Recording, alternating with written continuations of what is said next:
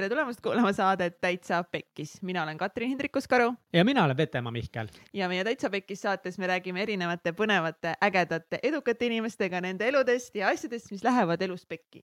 miks nad pekki lähevad, kuidas nad pekki lähevad ja siis kuidas sellest kõigest võitjana välja tulla.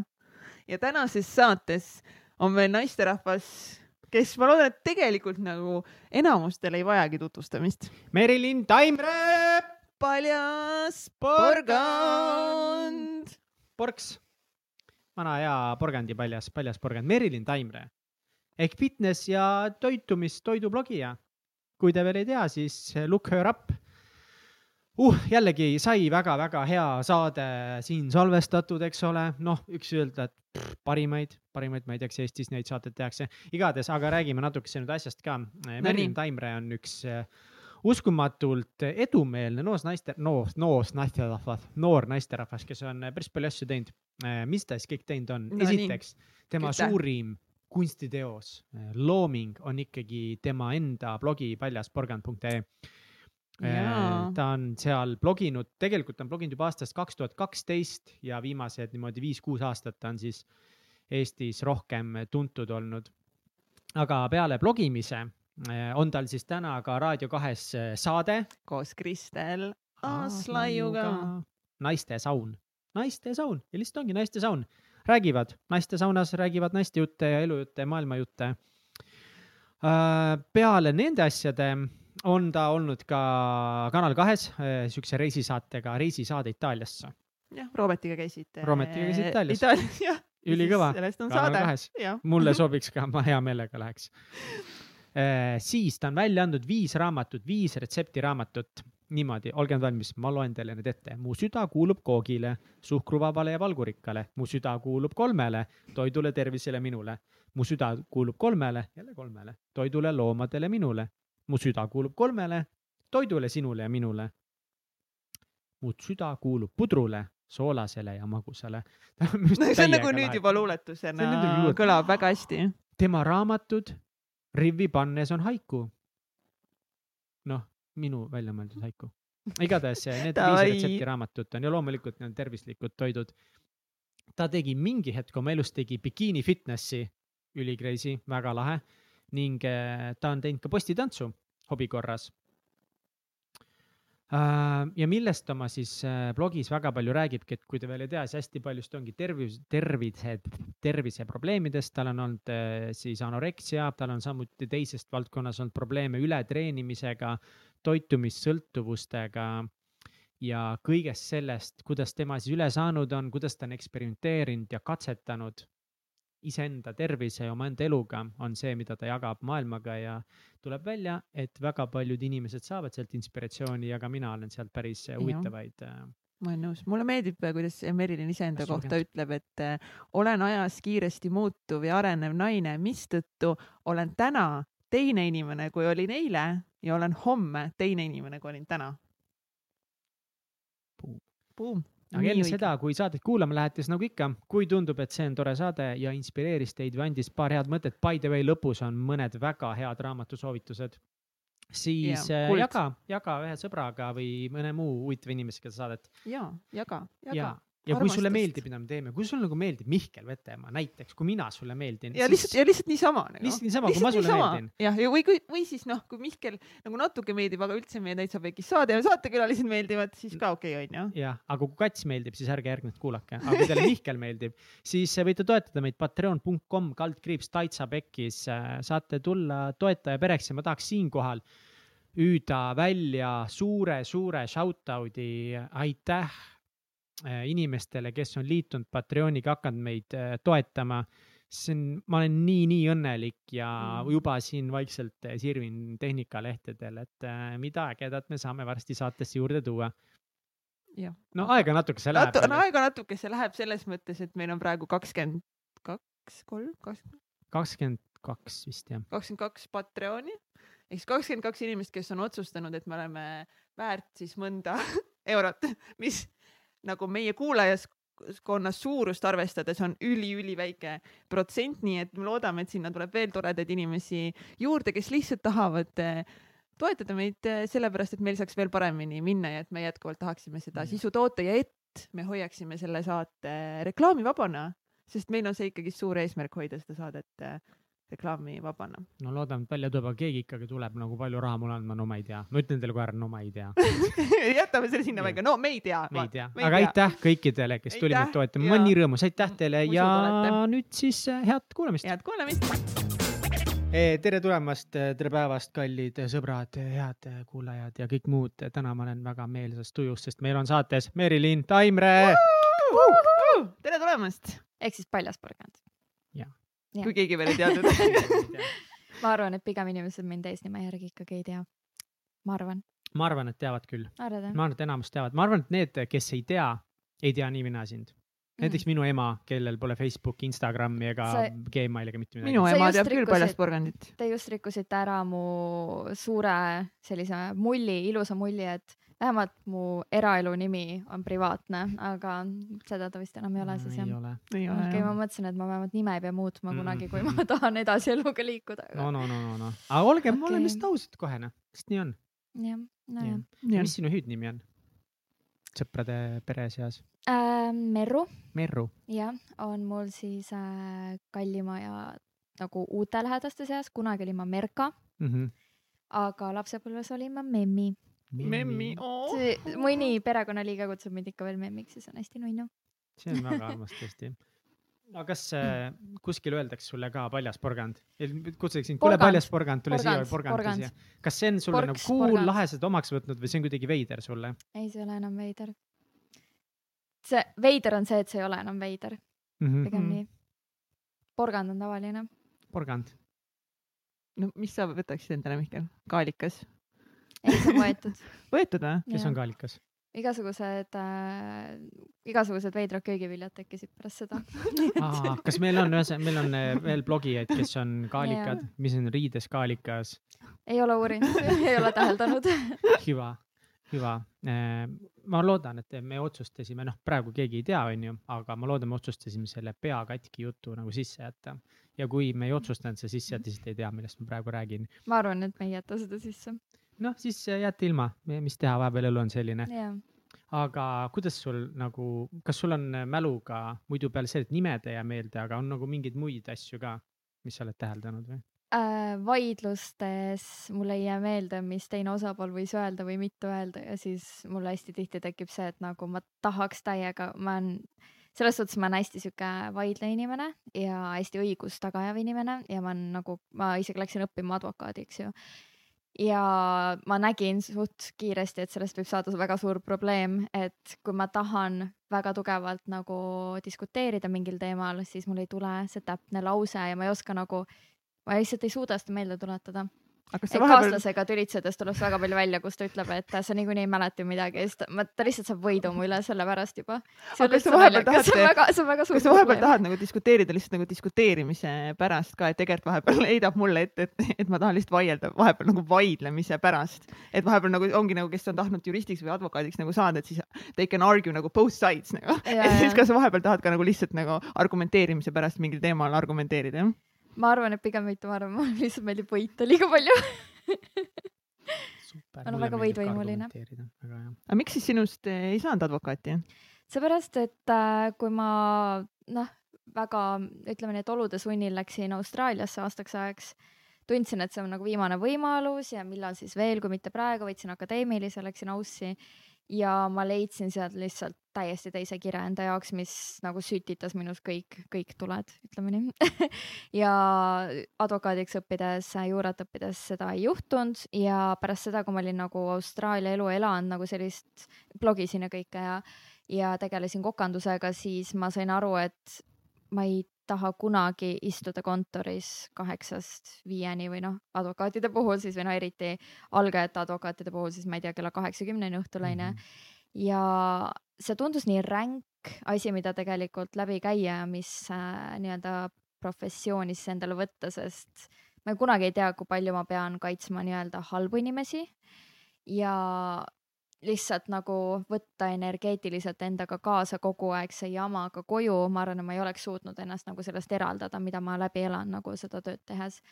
et ma tundsin, et ma olen pigem sihuke, kes peab olema iseenda juht nii-öelda. aga mida sa alguses mõtlesid või mis see esialgne nagu visioon oma elul olid siis, kui sa nagu esimest korda mõtlesid, oh, et just jurist võiks olla sinu tee, mis see visioon või mis see vaimupilt sul endast ees oli alguses? ma arvan, et oli suht ähm, sihuke loksu, seepärast et lasteaias tahtsin ma saada väga trammijuhiks. nagu see oli mul nii suur unistus, ma lihtsalt nagu, ma nii kujutasin ette, kui äge on sõita mööda trammiteid ma olin mingi, ma saan ju mööda trammiteid sõita, see tundus yeah. väga äge ja vahepeal tiristada vaata mingite inimeste peale, kes mulle ei meeldi väga ja siis. ma olen okay. suht kindel, et sa tiristamist ei kasutata selleks kusjuures väga tihti ma vaidleks vastu. ahaa, väga vaielda aga anyway, siis äh, kooli ajal juba noh, jah, ma sain aru, et ma olen väga suur vaidleja. ema ütles alati, et nagu sinust peab saama jurist, sest sa ainult vaidled ja sinul peab alati õigus olema. no ma kaotasin alati nuttes onju ja nii edasi et äh, siis ma, ma kuidagi tundsin, et see on midagi, mis mind väga paelub, sest mul oli loogiline mõtlemine oli väga hea. Mulle meeldis väga lugeda ja harida ennast juba noorena tegelikult ähm,. koolis olid väga head hinded, mis andsid hea eelise kindlasti äh, sissesaamiseks. ja mulle meeldis väga tööd teha, ma olin ülitöökas, ma olin kolmteist, kui ma läksin tööle ja hakkasin raha teenima ülikooli jaoks, sest noh, ütleme nii, et siis, kui ma tegin oma õppemaksu sissemakse ära, siis kui ma läksin Aussi, tuli välja, et õppemaksu enam pole, nii et mina maksin kõik oma rahad juba ära ja jätsin õpingud pooleli. Hmm. et äh, see oli selles mõttes nagu halb aeg, ütleme nii. aga igal juhul jah, ma tundsin, et see oleks väga, see tõesti, tõesti paelus mind siiamaani mm -hmm. ja ma olen üliõnnelik ja tänulik, et ma selle teekonna ikkagi võtsin, ma kunagi ei kahetse elus midagi, sest see õpetas mulle esiteks seda, et äh, mul ei nagu, mulle ei meeldi olla mingi graafiku alusel, nagu see ülikooli ajal juba ma tundsin, et see õppetöö kuidagi piiras mind väga ja teiseks äh, mulle meeldis ladina keelt õppida mulle meeldivad keeled ka väga. ja siis loogiline mõtlemine meeldis mulle väga, et mm -hmm. loogika oli mul alati A pluss ülikoolis, et äh, lihtsalt tuli see nii loogiliselt või nii kiiresti, kuidagi nii mugavalt välja ja jah. sa seal, kui me sinuga enne saate salvestust nagu rääkisime ka just sellest, et, et sa nägid ennast ette kunagi juristina siis nii-öelda aastaid tagasi see on nii huvitav, kui mõnes mõttes vastand sa oled, sa ütlesid, sa nägidki ennast välja, et, et noh, et hommikust õhtuni töötav ülikonnas äh, jurist, kes ajab suurt karjääri taga ja suur raha ja selline, oled seal kohtusaalides ja teed seda nagu filmides, mis välja näeb ja täna sa oled oma eluga täiesti teistsuguses kohas. nii vaimselt kui energeetiliselt kui oma, no äriliselt mm. -hmm huvitav. ja kuigi väga palju ei muutunud, ma ikkagi teen hommikust õhtuni tööd, aga ma teen seda nii, et ma ei saa arugi, et ma teen tööd, sest see on nagu mu kirg ja ma teen seda vabatahtlikult nii-öelda. ja ülikondi meeldib mulle ikka veel kanda, mul on neid kodus olemas päris ilusad mõned. aga mulle meeldib just see, et ma saan kodus tööd teha ja ma saan ükskõik millal, ükskõik kuhu minna, ükskõik kus tööd teha, ma võin minna mitme, ma võin minna mhm. mitmeks aastaks kasvõi reisile, okei okay,, see pärsib kindlasti nagu mõndasi koostöid, mis nõuavad seda, et ma katsetan mingit teenust või mingisugust, teen review'd mingile kohale või isegi asjadele, kes hakkab saatma mulle kuskile ma ei tea, Maldiividele mingit pakki onju aga vähemalt ikkagi see, et ma võin minna mitmeks nädalaks vabalt ära võtta mingid, ma olen teinud ka seda, et ma võtan kaasa näiteks mingisuguseid tooteid endale kohvrisse, mingid nagu nad võtavad hästi suure kaalu ja ruumi kindlasti mu kohvrist, aga vähemalt ma tean, ma saan pildistada heas kohas hea valgusega ja olla juba pruun selleks ajaks ja mis iganes ja ma saan nagu tööd rakendada ka mujal. Aga jah, endale ka nagu ma arvan, et mu vanemad isegi väga ei tahtnud äh, nagu nii-öelda äh, leppida võib-olla sellega, et nad kõik vanemad ja vanavanemad nägid mind tulevikus ikkagi, et minust saab nagu see, kes nagu teeb selle karjääriredeli. kuidas sa tegid selle otsuse? kuidas sa selle otsuse tegid ja kuidas sa nagu, mis oli see viimane mingi klõps või mis sa ütlesid oma perele siis? Esimene klõps, kui võtta, alustada esimesest, siis esimene oli see, et mul oli vaja langetada otsus, kas ma jään teiseks aastaks Austraaliasse ja mu õpingud katkestatakse, sest üks aasta oli ainult akadeemiline puhkus, seda ei saanud nagu edasi pikendada ka. ja see oli siis esimene otsus, sest mulle nii meeldis seal ja ma tundsin, et ma olen avastamas enda jaoks midagi uut. ja ma mõtlesin, et kui mul, nagu ma saan alati tagasi ju minna ja uuesti alustada ja see ei tee kunagi halba ju käia äh, läbi seesama teekond ja siis äh, teine otsus oli see, kui ma tulin tagasi ja kohe küsiti, et noh, kuhu sa siis tööle lähed või kuhu sa nüüd õppima lähed või mis sa nüüd teed. ma olin mingi, ai, ma ei lähe õppima, nagu ma ei lähe kuskile tööle, siis mingi, oota, mis mõttes, mida sa öelda tahad? ma hakkan blogima ja blogimine ei olnud nagu mingi teema, aasta oli kaks tuhat viisteist. kaks tuhat viisteist, viis aastat tagasi. ja siis ei olnud nagu blogisi, blogi, siis oli pigem päevikute pidamine, võib-olla mõni nagu Saurus blogija oli siis olemas, aga see, seetõttu ma ka kuulun nende Saurus blogijate alla, et nagu minu blogimisteekond sai alguse kaks tuhat kolmteist. Mm. kaks tuhat kaksteist tegelikult isegi, kus ma hakkasin Facebookis retsepte blogima nii-öelda, aga see oli lihtsalt Facebookis oma konto all, aga ikkagi inimesed nagu käisid jälgimas neid ja siis äh, kui ma tulin tagasi, otsustasin, et minust saab minu enda tööandja. Kuigi ma ei kujutanud ette, kuidas see välja näeb, siis ma olin lihtsalt, ma tundsin, et ma usaldan ennast. see oli nii veider, mu sisemine, sisetunne oli nii tugev sel hetkel, kus ma olin nagu, aga mul ei olegi vaja alguses raha sellega teenida, ma lihtsalt usaldan, et see jõuab minuni ja si siiamaani ma räägin nii paljudele seda lugu, et nagu see usaldus kuidagi, et äh, universum ise loob sulle nagu hea võimaluse eduks, kui sa annad talle nagu vabad käed, et see ei ole see, et ma ajan taga nüüd mingit kindlat asja, vaid ma annan vabad käed, et mis juhtub, see juhtub niikuinii. ja ikka mingi pool aastat vähemalt blogisin ma täitsa tasuta, kuni ma sain oma esimese nii-öelda kahekümne viie eurose tööotsa oh,. mis oli esimene? Äh, esimene oli siis, äh, kus ma tegin retsepti, ma ei mäleta selle firma nime, aga see postitus on kindlasti veel alles, kus ma tegin retsepti kuningkrabi lihale ehk siis see sõra sees on vaata see kuningkrabiliha mm -hmm. ja mhm. see on nii kallis, ma mäletan, et see oli mingi, appi ma ei mäleta, kui kallis, ma ei julge jälle anda pead, sest ma ei mäleta siukseid numbrilisi ja siukseid nimelisi asju. aga tegin siis retsepti, vaadates tagasi, kohutavad pildid ja kõik onju ja retsept oleks võinud olla kindlasti palju ägedam ja parem, aga. korra segan vahele, kas see on see haruldane mereand punase kuningkrabiga kreemias avokaadopasta? just päris kihvt nagu mõelda, et see oli sinu esimene mis siis. mis aeg on, millal see postitus on avaldatud? kaks tuhat kuusteist, eh, kakskümmend kaheksa jaanuar.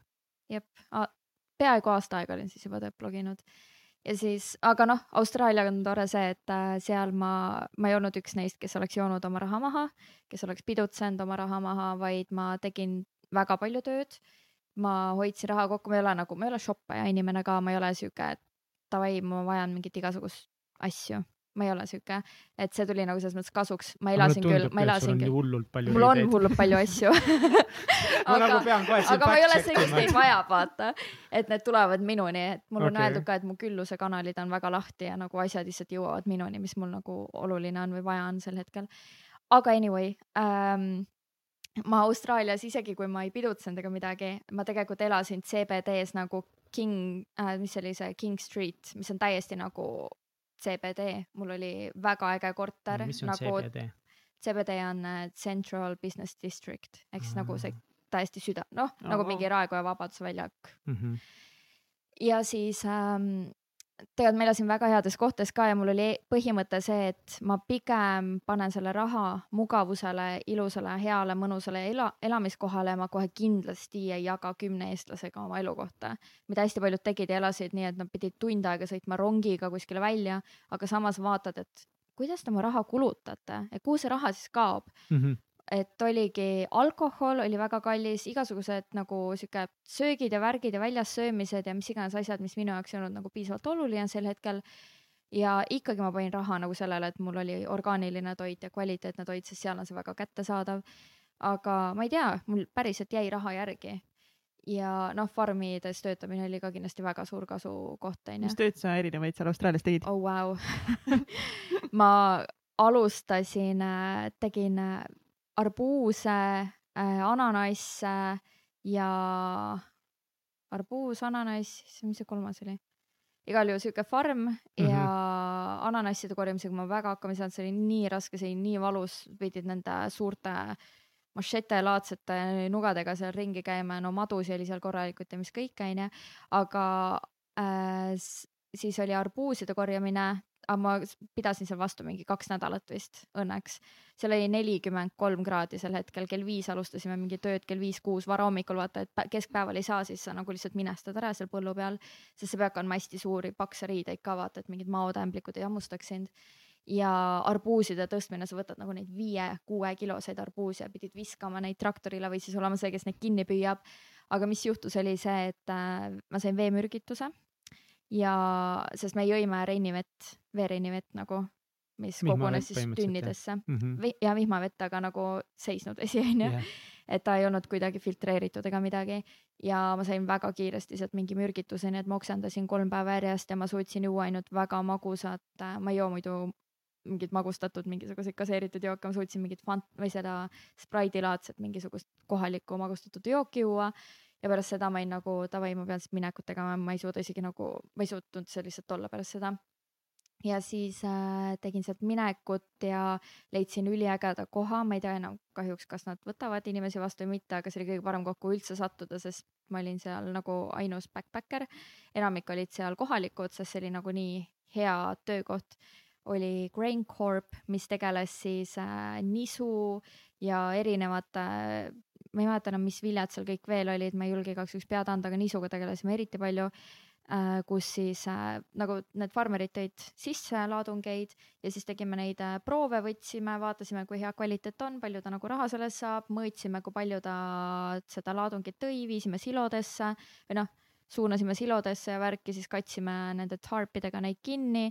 väga palju redback'e oli seal peidus igal pool, aga midagi otseselt ei juhtunud, väga hea palk, tasuta ööbimine, tasuta majutus onju. ja selle raha jätsid kõik nagu Ja alles ja kui sa Eestisse ületunde. tulid, et siis sa saidki alustada mm. -hmm. blogimist niimoodi, et sul oli raha mm. -hmm. kõrvale pandud. ma teadsin, ma saan vähemalt kaks-kolm aastat hakkama. oh,. ma elasin Vau. kesklinnas veel ja ma üürisin korterit, tubli. aga väga väikest korterit muidugi mm. -hmm. aga ma teadsin, ma saan kaks-kolm aastat, pluss ma nagu, ma jätsin oma Eesti Eesti, Eesti kontole, jätsin ka nagu varuraha, et kui mul Austraalias midagi pekki Pekki läheb, et mul on nagu võimalus tagasi tulla, onju.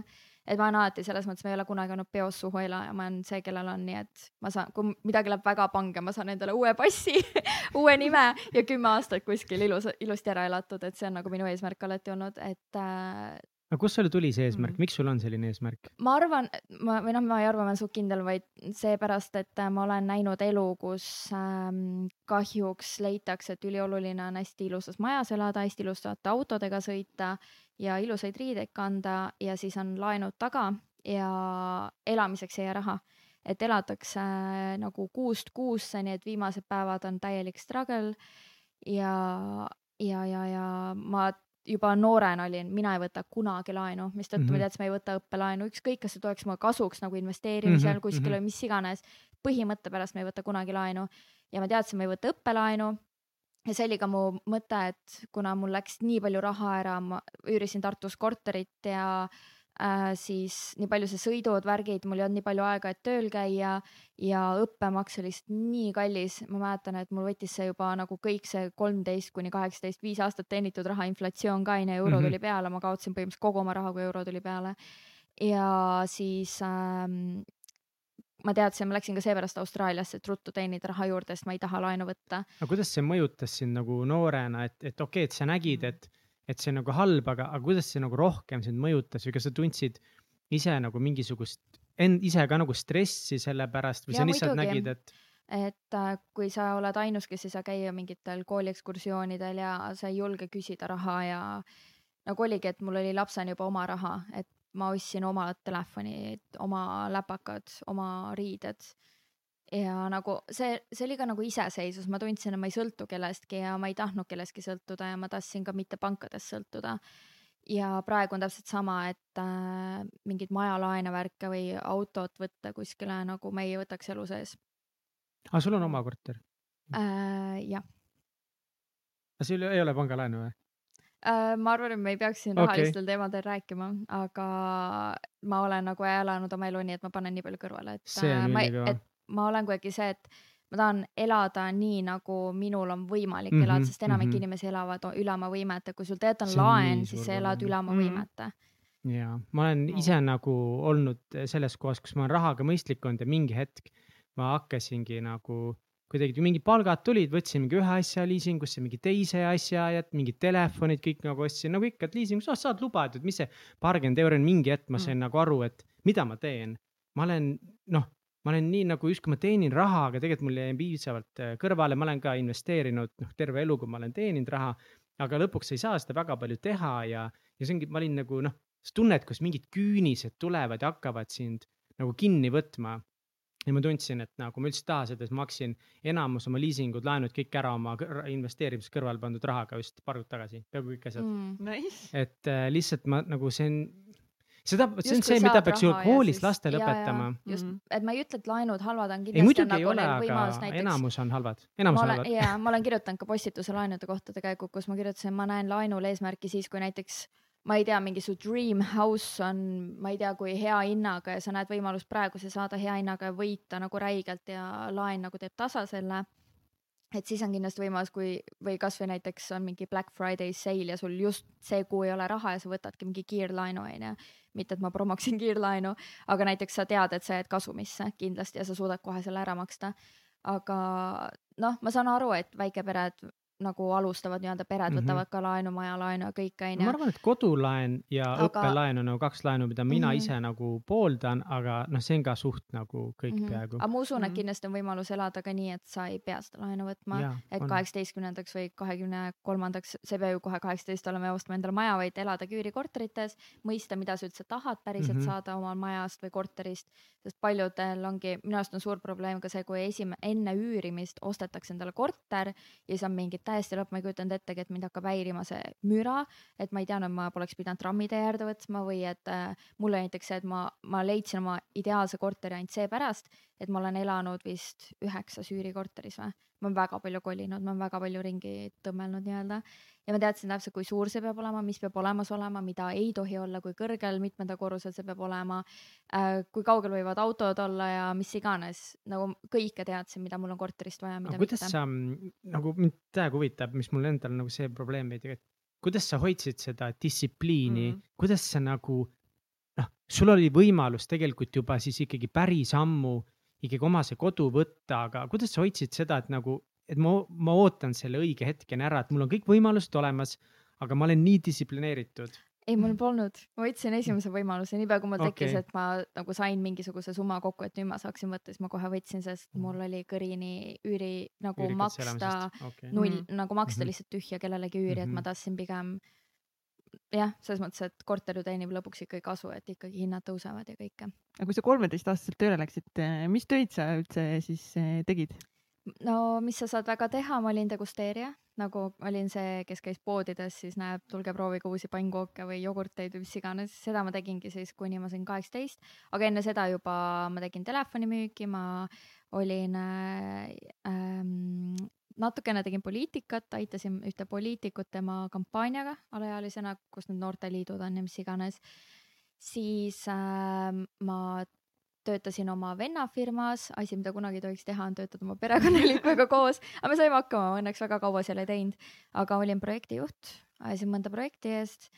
Ja siis äh, seitsmeteistaastaselt ma läksin juba äh, koolid nagu lasin ennast välja koolitada baaridaamiks ja ma tohtisin nagu teha tööd, kus ma ei puutu alkoholiga kokku, ehk siis ma tegin äh, natukene mingit garderoobi värke, mis iganes riiete hoida, midagi siukest sealsamas ja siis nad koolitati mind kõrvalt nagu sinna baari ja kõike ja niipea kui ma sain kaheksateist, ma sain juba baaridaamiks, teenindajaks mm -hmm. ja host'iks.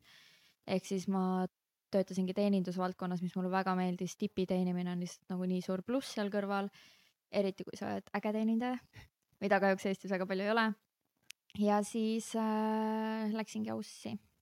nagu kuna mind ennast nagu raha teemalt huvitab investeerimine, kõik, kas sul on olnud ka kunagi nagu mingid noh, väga konkreetne mingid protsendid, et nii palju ma panen mingit sellesse nagu noh, mingit kogumisfondi, nii palju ma panen kõrvale või sa pigem lihtsalt panidki kõik kõrvale, elasid minimaalselt või oli sul mingid? selles mõttes ma olen kõige halvem, ma ei ole statistika inimene yeah., ma ei ole numbrite inimene, ma olen täpselt sihuke, et mille tunne mul nüüd on ja selles mõttes ma tean, ma olen kohutav, kõik ütleb, mis su sotsiaalmeedia plaanid on ja kuidas sa nagu kasvatad oma jälgijaskonda, ma mingi ma arvan, et ma ei kasvata seda, et läheb nagu läheb, vaata, et vahepeal on miinustes, vahepeal on plussis, hakkama kõik onju. ja samamoodi oli mul ka rahaga, et ma usun, et kui nagu samamoodi ma tegin, lihtsalt andsin tee, seadsin endale eesmärgi ja nagu andsin välja nii-öelda selle mantra, et äh, ma tahan oma korterit või ma tahan elada külluses äh,. Ma tahan tunda end koduselt, mis iganes ja siis lasin selle jõuda minuni, et ma vaatasin, et mul oleks kogu aeg kontol piisavalt raha, mis oli nagu, ma ei tahtnud, et mul oleks mingi suur summa silme ees, nii ma panin lihtsalt kõrvalhoiusele, aga see ei olnud nagu mingi kasvav hoius mm -hmm. väga, et ta ei teeninud väga mingit intressi, ütleme nii, et mis oli kindlasti väga vale asi, mida teha, et äh, investeerimisega olen ma hakanud alles nüüd tegelema. kahjuks ma arvan, ma oleks väga palju, palju, palju nagu kasvatanud oma fondi selles mõttes. Aga ma lihtsalt panin natukene silme eest ära. Ja kui oli vaja suuri kulutusi teha, siis ma tegin. Mis sa soovitaksid äh, täna näiteks kolmeteistaastastele? äh, harida end kindlasti finantsilises mõttes, et äh, kindlasti minna tööle, see on suur probleem, et inimesed ei käi enne ülikooli lõpetamist tööl. nagu ma ei mõtle isegi just nagu otseselt raha mõttes, aga arengu äh,, sotsiaalsete oskuste, tööeetika mõttes, et palju on neid, jah, sorry, ma ütlen seda lumehelbekesi, kes lihtsalt arvavad, et raha kohe tuleb, et ma nüüd lõpetasin ülikooli ja ma olen väärt nii palju ja makske ja ma töötan. et ma olen ikka kuulnud neid lugusid igasuguseid. pluss nagu see, et noored ei oska hinnata raha, et ma kõlan nagu mingi kuuekümne aastane, kes räägib, et aa nõukaajal meil, aga nagu reaalselt ses suhtes, et kui me olime veel, ma ei tea, kui vanad te siin olete, aga no ikkagi kolmkümmend, ma olen kaks nädalat olnud kolmkümmend. aa, okei, ma palju olen, õnne ma olen natuke vanem. Okei okay., noh siis ma juba kartsin, et äkki ma räägin omast noorematega, et siis äkki ei tea, vaata. aga noh, nagu üheksakümnendate lõpus ka, et äh, või noh, ikkagi kahe tuhandete alguses võib-olla, et kõik ei olnud nii kättesaadav kogu aeg, et sa ei saanud, sul ei olnud iga talv kolm paari eri uusi jalanõusid ja mis iganes, onju. et lihtsalt see, et sa hindaksid, mis sul on, sest ma näen, kuidas noored praegu oma taskuraha kulutavad, mida neil on tavalisest rohkem, nagu vähemalt sellega, mis meil kunagi kindlasti oli mul oli küll nii palju raha, et ma sain puhvetist osta ühe vee ja ühe saiakese nagu, aga mitte rohkem. et äh, kes ostavad endale mingi davai, Playstation viis tuleb välja, ostame ruttu kohe selle mm -hmm. endale ära või nagu ma vajan seda, et nagu sa ei vaja seda.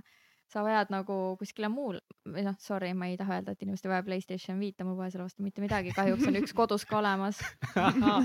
Teil on, oh, kas sa saad palun Roometi kutsuda saatesse ja teeme temaga edasi nüüd, ma tahan, mul on nii palju küsimusi, mul on nii palju küsimusi. ei, aga tegelikult ühesõnaga ma olen sinuga nõus ja mina olen mõnes mõttes, mina olen see lumehelbek olnud, sest ähm, ma tulin Tal- Tallinnas ülikooli, elasin vanema vanaisa juures vanalinnas, mis oli mega nagu super. ja, ja ma läksingi tööle alles esimest korda, ma ei tea, kuna aga ma nagu selles mõttes tegin mingeid projektasju küll, et ma ei passinud kunagi niisama, ma tegin seda ikkagist üliõpilasliikumise, aga mida ma esimest korda nii-öelda päris tööle minnes tundsin küll, et noh, mul võiks olla nii palju aastaid juba mingit mm. kogemust ja seda nagu mingit staaži või seda ongi, et seda töökultuuri, kõike seda, mida sa saad erinevates kohtades töötamisel kaasa, mõnes mõttes ma nagu alustasin mingi kahekümne viie aastasena nullist ja Mhm. ongi minu vanematel oli kahekümne viie aastaselt, neil oli lapsed, neil oli, okei okay, lapsi Mhm. võib-olla ei pea olema, see on nagu lihtsalt näide on ju, aga neil olid mingid majad, asjad. Nad olid juba nii palju aega investeerinud mm, -hmm. Mhm. et ehitada oma tulevik üles ja muidugi vahepeal tunnen, et kurat, nii palju aastaid on raisku Mhm. läinud. ja, ja. ja tead tutvused ka, mida sa saad selle aja jooksul, ma tean lihtsalt ma tean Eestis lihtsalt nii palju inimesi ja see tuleb nii palju kasuks, kus keegi on mingi, aa, ma mäletan sind, jaa, kuule, davai, teeme koos midagi ägedat või mis iganes. et see ka kindlasti või kasvõi kui sa ei lähe tööle, siis ikkagi nagu loe ja hari ennast või tegele mingi, arenda mingit hobi või mingit äh, ägedat äh, talenti, mis sul on või mis iganes, aga kahjuks me veedame seda Netflixides ja Youtube'is ja Playstationi taga või nagu ma isegi ei suhtle enam kaaslastega ega inimestega, et see on, ma arvan, väga suur probleem. pluss nagu nii palju. kogemusi, mis sa saad nagu erinevaid asju just proovides, et siis sa saadki teada, mis sulle meeldib, onju, mis sulle ei meeldi, kuhu sa tahaksid nagu edasi Mhm. liikuda versus see, et sa lõpetadki ülikooli ära ja teadmisega, et ma noh, tahangi näiteks juristiks saada ja sa ei ole ühtegi tööd kunagi Mhm. varem teinud ja siis sealt edasi nagu natuke keerulisem juba Ja liikuda. ma arvan ka, et pere hästi- peaks ka push ima võib-olla Jaa. vaata veits, ma mõt- samas nagu lihtne on öelda, et pange oma lapsedki tööle, ma mõtlen, et kui ma ise nagu isaks saan kunagi, ma raudselt see mingi ei ole vaja minna, ma sulle tasku arvad või, ma ei tea, ma arvan, et ma olen pehmo. jah, ma arvan, et see on pehmo et ma ei tea, aga, aga kindlasti on oluline see, et nagu saada kuidagi kõrvale, ma tean, et mind heiditakse selle mõtteviisi pärast, aga ülikool ei ole sinu A ja O, et mida sa pärast kooli lähed nüüd õppima, sest elukool tegelikult ju õpetab ka väga Mm. palju ja ma arvan, et see, kui sa oled nüüd töötanud näiteks, läksid viieteist-kuueteist-aastaselt tööle ja teed seda läbi ülikooli nii-öelda aja, kus sa peaks muidu ülikoolis olema, ma arvan, et sa võid palju targemana sellest elukoolist lahkuda kui ülikoolist. et äh, paljud lähevad nii nagu mindlessly lihtsalt midagi õppima, nad isegi ei tea, mida nad elult tahavad, nad pole kunagi nagu kogenud seda tööeetikat, mis sellega peaks kaasas käima ja nad lihtsalt ei saagi hakkama ja arvavad, et nagu neil on teadmised ja nüüd kõik on hästi. et äh, ma olen nii paljudele öelnud, et nagu noorematele, et mul on nooremaid vend või noh, mul on noorem vend, aga ikkagi, kellel veel on nooremad vennad-õed, kes nagu kuuluvad sinna aega juba. et äh, hari ennast enne, kui sa lähed nagu lihtsalt ülikooli mingit nagu paberiharidust otsima mm,. Amen, aga no. liikudes hoopis teisele teemale, et äh, nagu me aru saame, siis sa olid väga töökas noorena, sul oligi juba nagu sihuke väga hea rahaline mõtlemine selles mõttes, et ei pea mindless'i kulutama kõike, vaid mõelda nagu tulevikku. Aga, aga millised olid sinu mõtted tervisest nooremana või nii-öelda näiteks Austraalia kandis, et sa mainisid, sa Austraaliast näiteks sõid juba tervislikku toitu ja, aga sa oled ise väga palju blogis kirjutanud ka, et nagu sul on tervisega on väga palju väljakutseid oma elus mm, -hmm. väga palju raskusi. kuidas noorena sul sellega oli? Nooremana. Nagu lapsena kahjuks ma ei tea, ma arvan, et tänapäeval õnneks see teadmiste pagas on teine, ma tahan loota vähemalt äh,, aga kuidagi kooliharidusega ei käinud käsikäes seda, et nagu mida nüüd tähendab tervislik elustiil või mis on nagu, kui oluline on liikumine, sul tehakse küll kehalise kasvatuse tunde, aga ega seal ei harita otseselt nagu su kehalisest kasvatusest või nagu see ongi lihtsalt mingi füüsiline liikumine. Ja samamoodi kokandustunnid, me lihtsalt kokkasime mingeid muffineid, kooke ja asju nagu ma ei teadnud mitte midagi tervislikust toitumisest. lisaks ma ei teadnud mitte midagi kehapildist või mida tähendab keharasv versus keha siis nagu versus lihased ja nii edasi ja nagu ma ei teadnud ka vaimsest tervisest mitte midagi, nagu psühholoogiatunnid ei lähtunud ka kuidagi vaimsest tervisest ega midagi, seal olid hoopis teised teemad ja nagu see on ka nii puudulik koolis lihtsalt ja ma arvan, et vanemad peaksid selle enda kätte võtma või siis vähemalt suunama last kuidagi nagu lihtsalt saatma ta psühholoogi juurde kord kuus jutule, et niisama saaks rääkida ja laps saaks nagu endast mingeid asju välja ja ja minu probleem oligi see, et ma lihtsalt nagu ma ei teadnud mitte midagi tervislikust toitumisest, ma ei teadnud mitte, ma ei teadnud üldse, et toitumine mm. mõjutab mu tervist. nagu ma arvasin, ma söön ükskõik mida ja ma olen nagu, ma arvasin, et see on nagu tervis, kui ma ei ole füüsiliselt, ma ei tea, palavikus või mis mhm. iganes, onju ja no lõppeski sellega, et mul olid toitumishäired, anoreksia värki ja. aga millal need tulid või mi miks need tulid, mis sa arvad, miks need sul tulid? Äh, no öeldakse, et asi on mingite traumadega seotud või siis lihtsalt nagu ühiskonna mingisugusest mõjust onju mm -hmm. ja mul oli ka kindlasti kahe kombinatsioon, et äh, nägin enda ümber hästi palju dieeditamist ja kalorite jälgimist ja enda kehaga mitte rahul olemist ja kuidagi nagu lapsena vaata sa õpid olema, sa õpid aru saama, kes sa oled läbi peegelduse. ehk siis, kui keegi sinu ümber peegeldab nagu, kui sa näed seda, kui ta, oh issand kui raske. ma tahan natukene ümber nurga rääkida, sest ma ei taha väga otse sel teemal rääkida. räägi otse okei okay,, samas see on nagu, sul on nagu nii, nii lihtne on öelda, räägi otse ja siis ma mõtlen nagu, kui palju sind on kuskil justkui tsiteeritud jutumärkides, nii palju just. sitta on käima tõmmatud. no aga ühesõnaga, käige kõik persekesti siit saatest midagi võtate, me siin räägime lihtsalt, mida me arvame, nii et räägi otse igal juhul sa õpid nagu ennast vaatlema selle sama pilguga, millega sa näed, et inimesed, keda sina austad ja kellele sa vaatad alt üles, vaatavad iseennast. ehk siis äh, sa hakkad välja peegeldama seda, mida sa õpid nagu sealt, mida nemad peegeldavad sulle et äh, kui näiteks võtame kaks sõbrannat, üks sõbranna räägib kogu aeg, et ta on tead mingi normaalse kehaga, räägib kogu aeg, kui paks ta on ja kui inetu ta on, see teine sõbranna hakkab lõpuks uskuma võib-olla seda ja hakkab uskuma, et ka temal on midagi viga või näiteks, et issand, aga mina olen temast paksem ja ma olen, issand, ma olen siis eriti paks ju. kas see oli see, mida sina tundsid? Et inimesed sinu ümber nagu suhe, nagu rääkisidki iseendast nagu negatiivses yeah. vormis ja sa hakkasid võrdlema ennast nendega ja vaatama, et okei okay,, et kui tema ütleb nagu, et ta on selline. see on sama nagu yeah., kui sa oled äh,, nagu me räägimegi mingi getodest, et sa lihtsalt korjadki selle üles, sest sa arvad, et see on norm yeah.. et nagu räägime kasvõi mingi loomaaia loomadest, kes on sündinud loomaaias, kui sa viid nad kuskile nüüd vaba, mingi oi oh, ma lasen looma vabaks, viid ta kuskile metsa, tüüpan tagasi seal puuri ääres varsti, et nagu laske mind tagasi sisse, ma ei tea, kus ma olen. et nagu sa kasvad üles selles normaalsuses, mis sind ümbritseb. et sellest saab sinu jaoks nagu normaalsus. ja mul oli see nagu the case ja siis hiljem ka, kuna me nägime hästi palju nagu kalorite jälgimist ja kõike, ma hakkasin seda tegema, kuna toit, toidu nii-öelda numbrite üle räägiti palju, siis see hakkas mind paeluma ja ma sain aru, et mida vähem sa sööd, seda kõhnem sa vist peaks olema, seda rohkem sa vist peaks ennast armastama ja nagu sealt sai see mõttemuster nagu alguse okay ja siis ka koolis see muidugi jätkub, kui nagu kehad hakkavad vaata muutuma, et äh, siis ma nägin, et issand, ma võtan juurde, appi peaks vist veel rohkem piirama. ja noh, sealt ta niimoodi läheb. et äh, pluss nagu ma olin, äh, ütleme nii, et pesulauake ja seda koolis nagu väga palju tuuakse esile, mis ma arvan, et on tüdrukutele väga karm. et kõigil hakkavad asjad erinevatel aegadel kasvama, kellel hakkavad kasvama vähem, kellel rohkem. Aga ma elasin seda ka väga üle aga mis sa endast arvasid või mis sa arvasid, et sul nagu konkreetselt siis äh, nagu puudu on? ma arvasin, et kui ma olen kõhnem, siis äh, ma olen armastatum.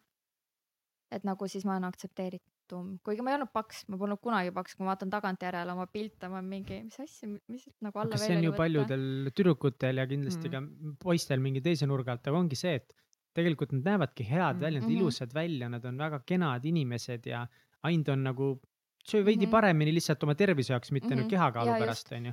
aga kõik vaatavad peeglisse, kui jaa. sa hoiad oma keha ja hoolitsed mm. -hmm. ees, sa ei saa olla nagu nii-öelda halva kehaga ja tervislik näeb kõikidel erinev välja Mm mm. -hmm. et äh, lihtsalt me tihtipeale mingi hullult kõhn inimene on ebatervislikum kui nagu nii-öelda sihuke keskmise kehaga inimene, et see Mhm. keskmine keha tegelikult ju ongi tervislik keha, aga kõikidel on see erinev, mõni väga kõhn on väga tervislik ja mõni isegi ülekaaluline on tervislik, aga rääkides nagu üldises pildis Mm -hmm. aga jah, ma arvan, et ka siis, kui äh, mul olid nii-öelda esimesed suhted ja mulle tehti seal haiget, siis mul tekkis tunne, et, et ma arvan, et ma olen liiga paks, et äkki seda tehti seepärast, et nagu need vanad nii-öelda issue'd tulid üles, kus siis nagu anoreksia läks full blown anoreksiaks. aga millal sul, millal või nagu mingi hetk siis nagu sul see anoreksia nagu muutuski täitsa nagu tõsiseks anoreksiaks? ja, või nagu ta oligi, ta oli yeah. kogu aeg nagu mingi see toitumishäire oli kuklas mm, -hmm. Mhm. et ma ei, et teised söövad seda, aga mina vist ei tohiks ja jälgisin nagu palju ma midagi söön või mis iganes. ja siis mingi hetk oli lihtsalt see, et ma ei julgenudki enam midagi süüa näksisin porgandit. punn.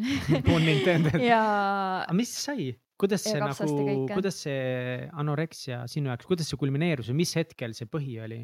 no ega kaua sul tervis hästi ei püsi, onju, Mhm. et äh, minestamishood, näiteks koolis, kui ma pidin neljandale korrusele kõndima, mul oli siuke tunne, et ma nagu annan otsad ja kukun alla äh,. siis äh, iga kord püsti tõuses ma pidin korra sekundi võtma nagu hoidma ennast lauast kinni, et vau wow.. Rääkisin sellest, ma mäletan isegi arstile ja arst ütles, et aa, et sul on madav, hästi madav vererõhk, mis on mul terve eluteed olnud, et mul pole õnneks nagu väga kõrge vererõhk. Ja ütles, et joo kokat või kohvi.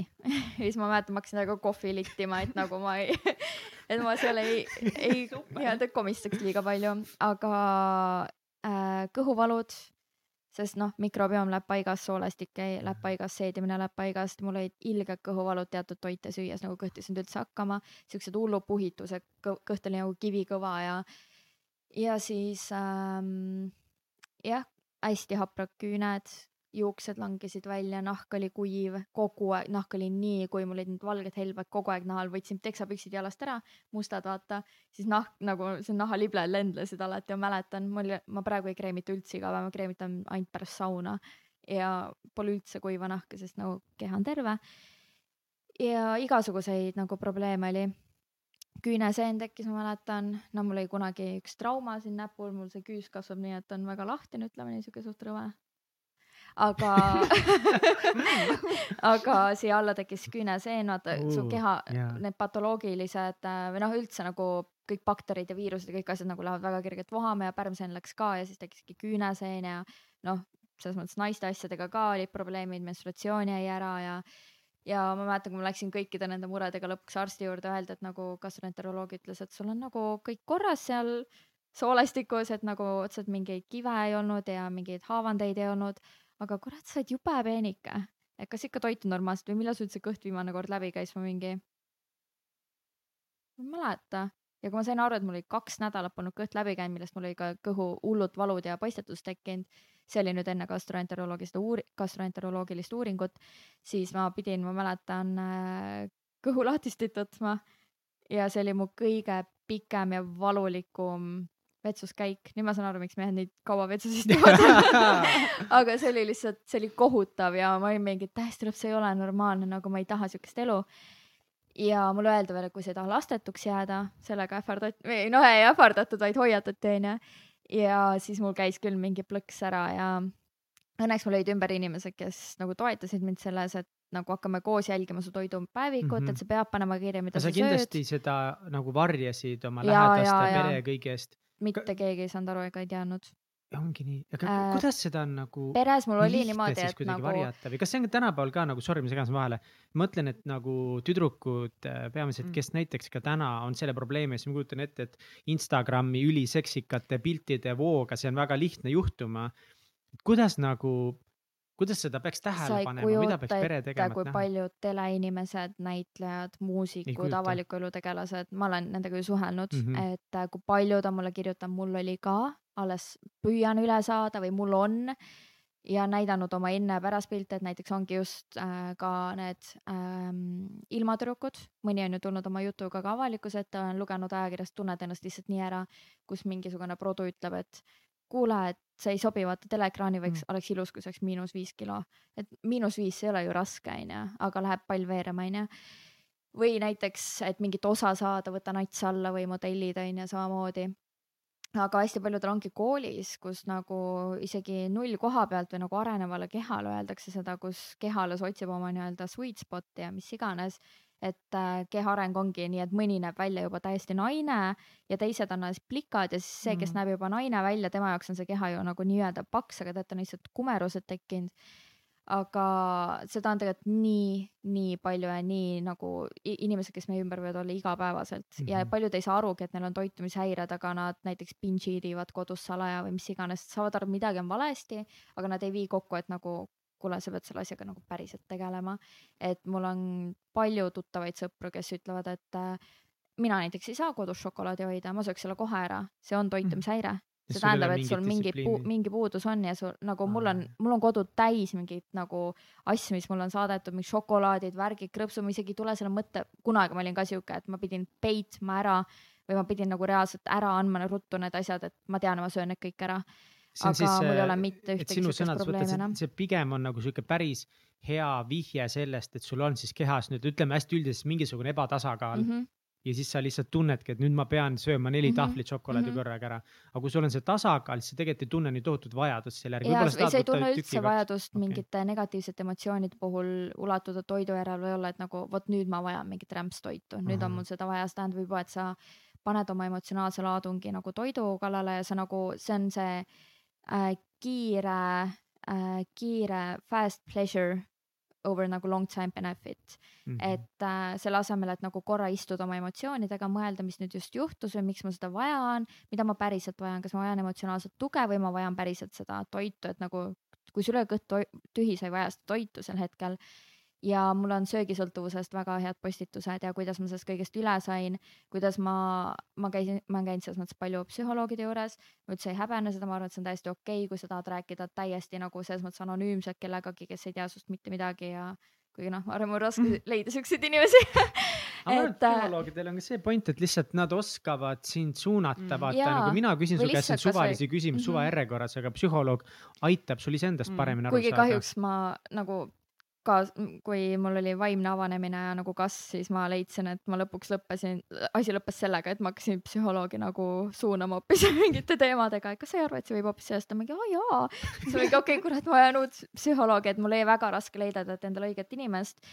Aga, aga, tegelikult ma tahaks korra tagasi minna, see on hästi põnev teema, sellest ma arvan, ma täna tahaks ka veel rääkida, aga, aga korraks nagu mind huvitab see, et, et kas sinu lähedased, sinu pered, kas sa ise lõpuks ütlesid neile, et, et sul on probleem või nemad kuidagi pidid nagu said ise aru või? nagu mul käidi muidugi, ema oli ka, et äh, kuule, mis värk on, mulle tundub, et sa ei söö, kui ma nüüd ei näe sind söömas, siis sa lähed haiglasse. nagu ärge niimoodi palun lähenege, kohe kindlasti mitte, et äh, ähvardamine, see nagu okay., nagu täiega süvendab, mul oli nagu see, et ma veel näitan sulle, milleks ma suuteline olen, nagu ma veel näitan, kui peenikeseks ma võin minna, nagu see tekitab, sest tead, anoreksia tähendab seda, anoreksia ei ole tead üldse toiduga seotud, nagu psühholoogid ja toitumishäiretega tegelevad inimesed ütlevad ka, et see ei ole üldse toitumisega seotud. see on see, et sa vajad kontrolli oma elu üle. Ja sinu kontroll on see kontroll keha üle, mida sa suudad saavutada. anoreksiat põdevad inimesed on väga tugeva mindset'iga, väga perfektsionistlikud ja nad on väga nagu selles mõttes ähm, sihikindlad, mis teeb nagu selle kõige hullemaks, sest tavainimene oleks mingi davai, ma hakkan ennast nüüd näljutama, üks päev suudab vastu pidada, siis on mingi Mm. kurat, mul ikka liiga palju maitseb toit, ma ei suuda, onju. aga need, kellel on just hästi tugev, näiteks kes suudavad hästi palju koolis õppida, kellel on hästi head hinded, kes on hästi töökad, need on nagu just see siht, nii-öelda sihtgrupp sellel haigusel. et äh, ohugrupp siis või kuidas öelda, et äh, mul oli lihtsalt nii tugev mindset, ma teadsin, et täpselt nii, nagu ma suudan oma õpingutega hakkama saada, ma suudan tööl käia, ma suudan oma trennid ära teha. et kuna ma olen hästi tugev inimene, siis mul on hästi kerge igasugused sõltuvused ka tekkima, sest ma suudan hästi tugevalt kinni hoida neist, onju ja see oli ka anoreksiaga ja jah, nagu käidi rääkimas, et kuule, et tundub, et ma mingi, mis asja, ei, tagasi lihtsalt tagasi, aga see tekitas minus veel suuremat nagu soovi sest tegelikult, mida sa ajad taga, on see tähelepanu, sa tahad nagu, mina tahtsin saada tähelepanu, ma mäletan ja mulle meeldis, kui keegi tundis nagu muret mu üle. ja, ma tahtsin isegi, et nad tunneks veel rohkem muret, ma isegi tahtsin nagu, et mul läheks väga kehvasti, sest ma tahtsin, et keegi nagu muretseks mu üle või nagu hoiaks mind kuidagi see on nii huvitav. ja nagu see on hästi insight. psühholoogiline tegelikult. ja ma tundsin nagu ma tahaks kontrollida, ma tahaks nagu, see oli minu viis kontrollida iseennast või nagu väga aga raske sul oli öelda. siis teatud nagu läheduse puudus ka elus? ja seda muidu jah mm -hmm. või noh, ma ei taha öelda seda muidugi, aga noh, too aeg, kui me kasvasime üles, siis vanematel nagu inimestel oli palju lapsi onju ja ajaliselt ja rahaliselt oli oluliselt raskem kui tänapäeval hakkama saada.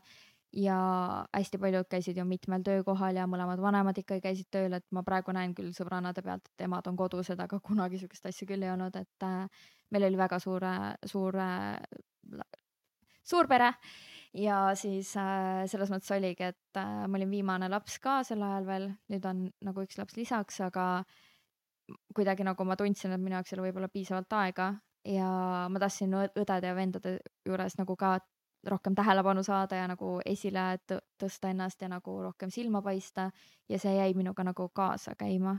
ja ma tean, et mm. mul olid kunagi väga tugevad tähelepanuvajadused, ma üldse ei eita seda ja seda mulle väga palju ette heidetud. Et äh, ka see, miks ma arvan, et ma hakkasin blogima, oli see, et mulle meeldis võib-olla tähelepanu seal või nagu mulle meeldis, et inimesed tundsid mu vastu huvi ja ma arvan, et see oli nagu see kannustaja. see on et... nii nagu niivõrd mis niivõrd võimas, kui nagu ausalt sa suudad sellele tagasimaad järgi vaadata mm., aru saada sellest. See on kindlasti väga nagu tervendav või. ja selles nagu mõttes küll, et ma tunnen, et nagu avardav. ma olen, see näitab, et ma olen sellest kuigi nagu rohkem tervenenud või lahti lasknud. aga mis siis muutus, mis sa, mis hakkasid teistmoodi tegema, et kui sa nüüd said aru, et, et sa olid seal haiglas juba ja, ja said aru, et okei okay,, et tõesti tegelikult on nüüd väga halvasti. mis sa teistmoodi, kuidas sa suutsid sealt välja tulla? See kestis ikka aastaid nagu, kuna ja. ma ei läinud haiglaravile ja ma ei võtnud endale ka mingit raviarsti ega mingit terapeuti, vaid ma püüdsin omal nahal hakkama saada, siis oligi see, et Austraalia oli see koht, et nagu see nüüd peaks vist restartima midagi ja ma otsustasin, tead äh,, teadlikkus on kõige parem antidoot paljudele asjadele tegelikult, et kui sa oled no võtame kasvõi see, et sa oled hull lihaarmastaja, aga kui sa nagu saad teadlikuks, mhm. mis seal taga peitub, siis nagu see muudab sind, onju. ma ei ütle üldse, et keegi ei peaks liha tarbima, nagu see ei ole mhm. üldse see teema. või näiteks kasvõi, et tunned, et oled tugev tarbija, kui sa hakkad nagu uurima seda tarbimishullust ja kõike, siis on kõige kergem, kergem viis, kuidas sellest lahti saada või näiteks alkoholism on ju. kui sa hakkad päriselt uurima, mida alkohol sulle teeb, kuidas ta sind mõjutab, miks sa selle küüsis oled, siis ma usun, et teadlikkus on, teadlikkusel on väga suur võime nagu tervendada. ja mu eesmärk oli see, et kui ma nüüd hakkan sööma, ma ei taha ikkagi nagu haiglates ma olen kuulnud, et sind lihtsalt süstitakse toitu täis, et nagu võta ruttu juurde, onju. et äh, peaasi, et sa nagu kogu, kogu, kogud jälle nii-öelda kaalu. aga kõige olulisem on tekkida vaimse aspektiga, sest asi ei ole ju toidus tegelikult, et me kõik suudame tegelikult ju süüa, aga see on vaimne blokeering. ja lõpuks pead sa ikkagi õppima ise sööma ja tahtma süüa ja siis ma hakkasingi harima, ma võtsin eesmärgiks, et ma hakkan ennast harima toitumise teemal, ma hakkasin metsikut lugema, mis tähendab tervislik toitumine, mis toitudest hoiduda, mis on alternatiivid, mis toit teeb mida, kus on vitamiinid, mineraalained, antioksüdandid, kõike nagu ma praegu võin peast littida nagu kõiki neid asju ette, sest ma olen nii palju selles alas juba olnud. Ja mind hakkas nagu kogu see toidu tegemine, enne kui ma tegin mingeid croissant'e, Napoleoni kooki, siukseid asju kokkasin, onju mm mingit souste, värki-särki, siis pastasi, siis äh, praeguseks on see, et äh, pigem siis tatrapasta või siis äh, soust on tehtud näiteks supipõhjast või siis äh, brownid on tehtud äh, sellest äh, bataadist ja maapähklivõist ja toorkakaost ja mingid siuksed teemad, vaata, et ma hakkasin nagu, et minu eesmärk on tervendada end päriselt, mitte nagu minna mingi crappy toitumise juurde tagasi, sest ma kunagi ei teadnud, mida tähendab mm -hmm. nagu mhm. tervislik toitumine. Ja ma olin mingi, mida ma terve elu söönud olen ja., kohutav mingi kondijahu on lasknud endale suus sisse igapäevaselt koos mingisuguse ketšupiga, mis ma arvasin, et on päriselt tomatipasta, aga on pool suhkur umbes.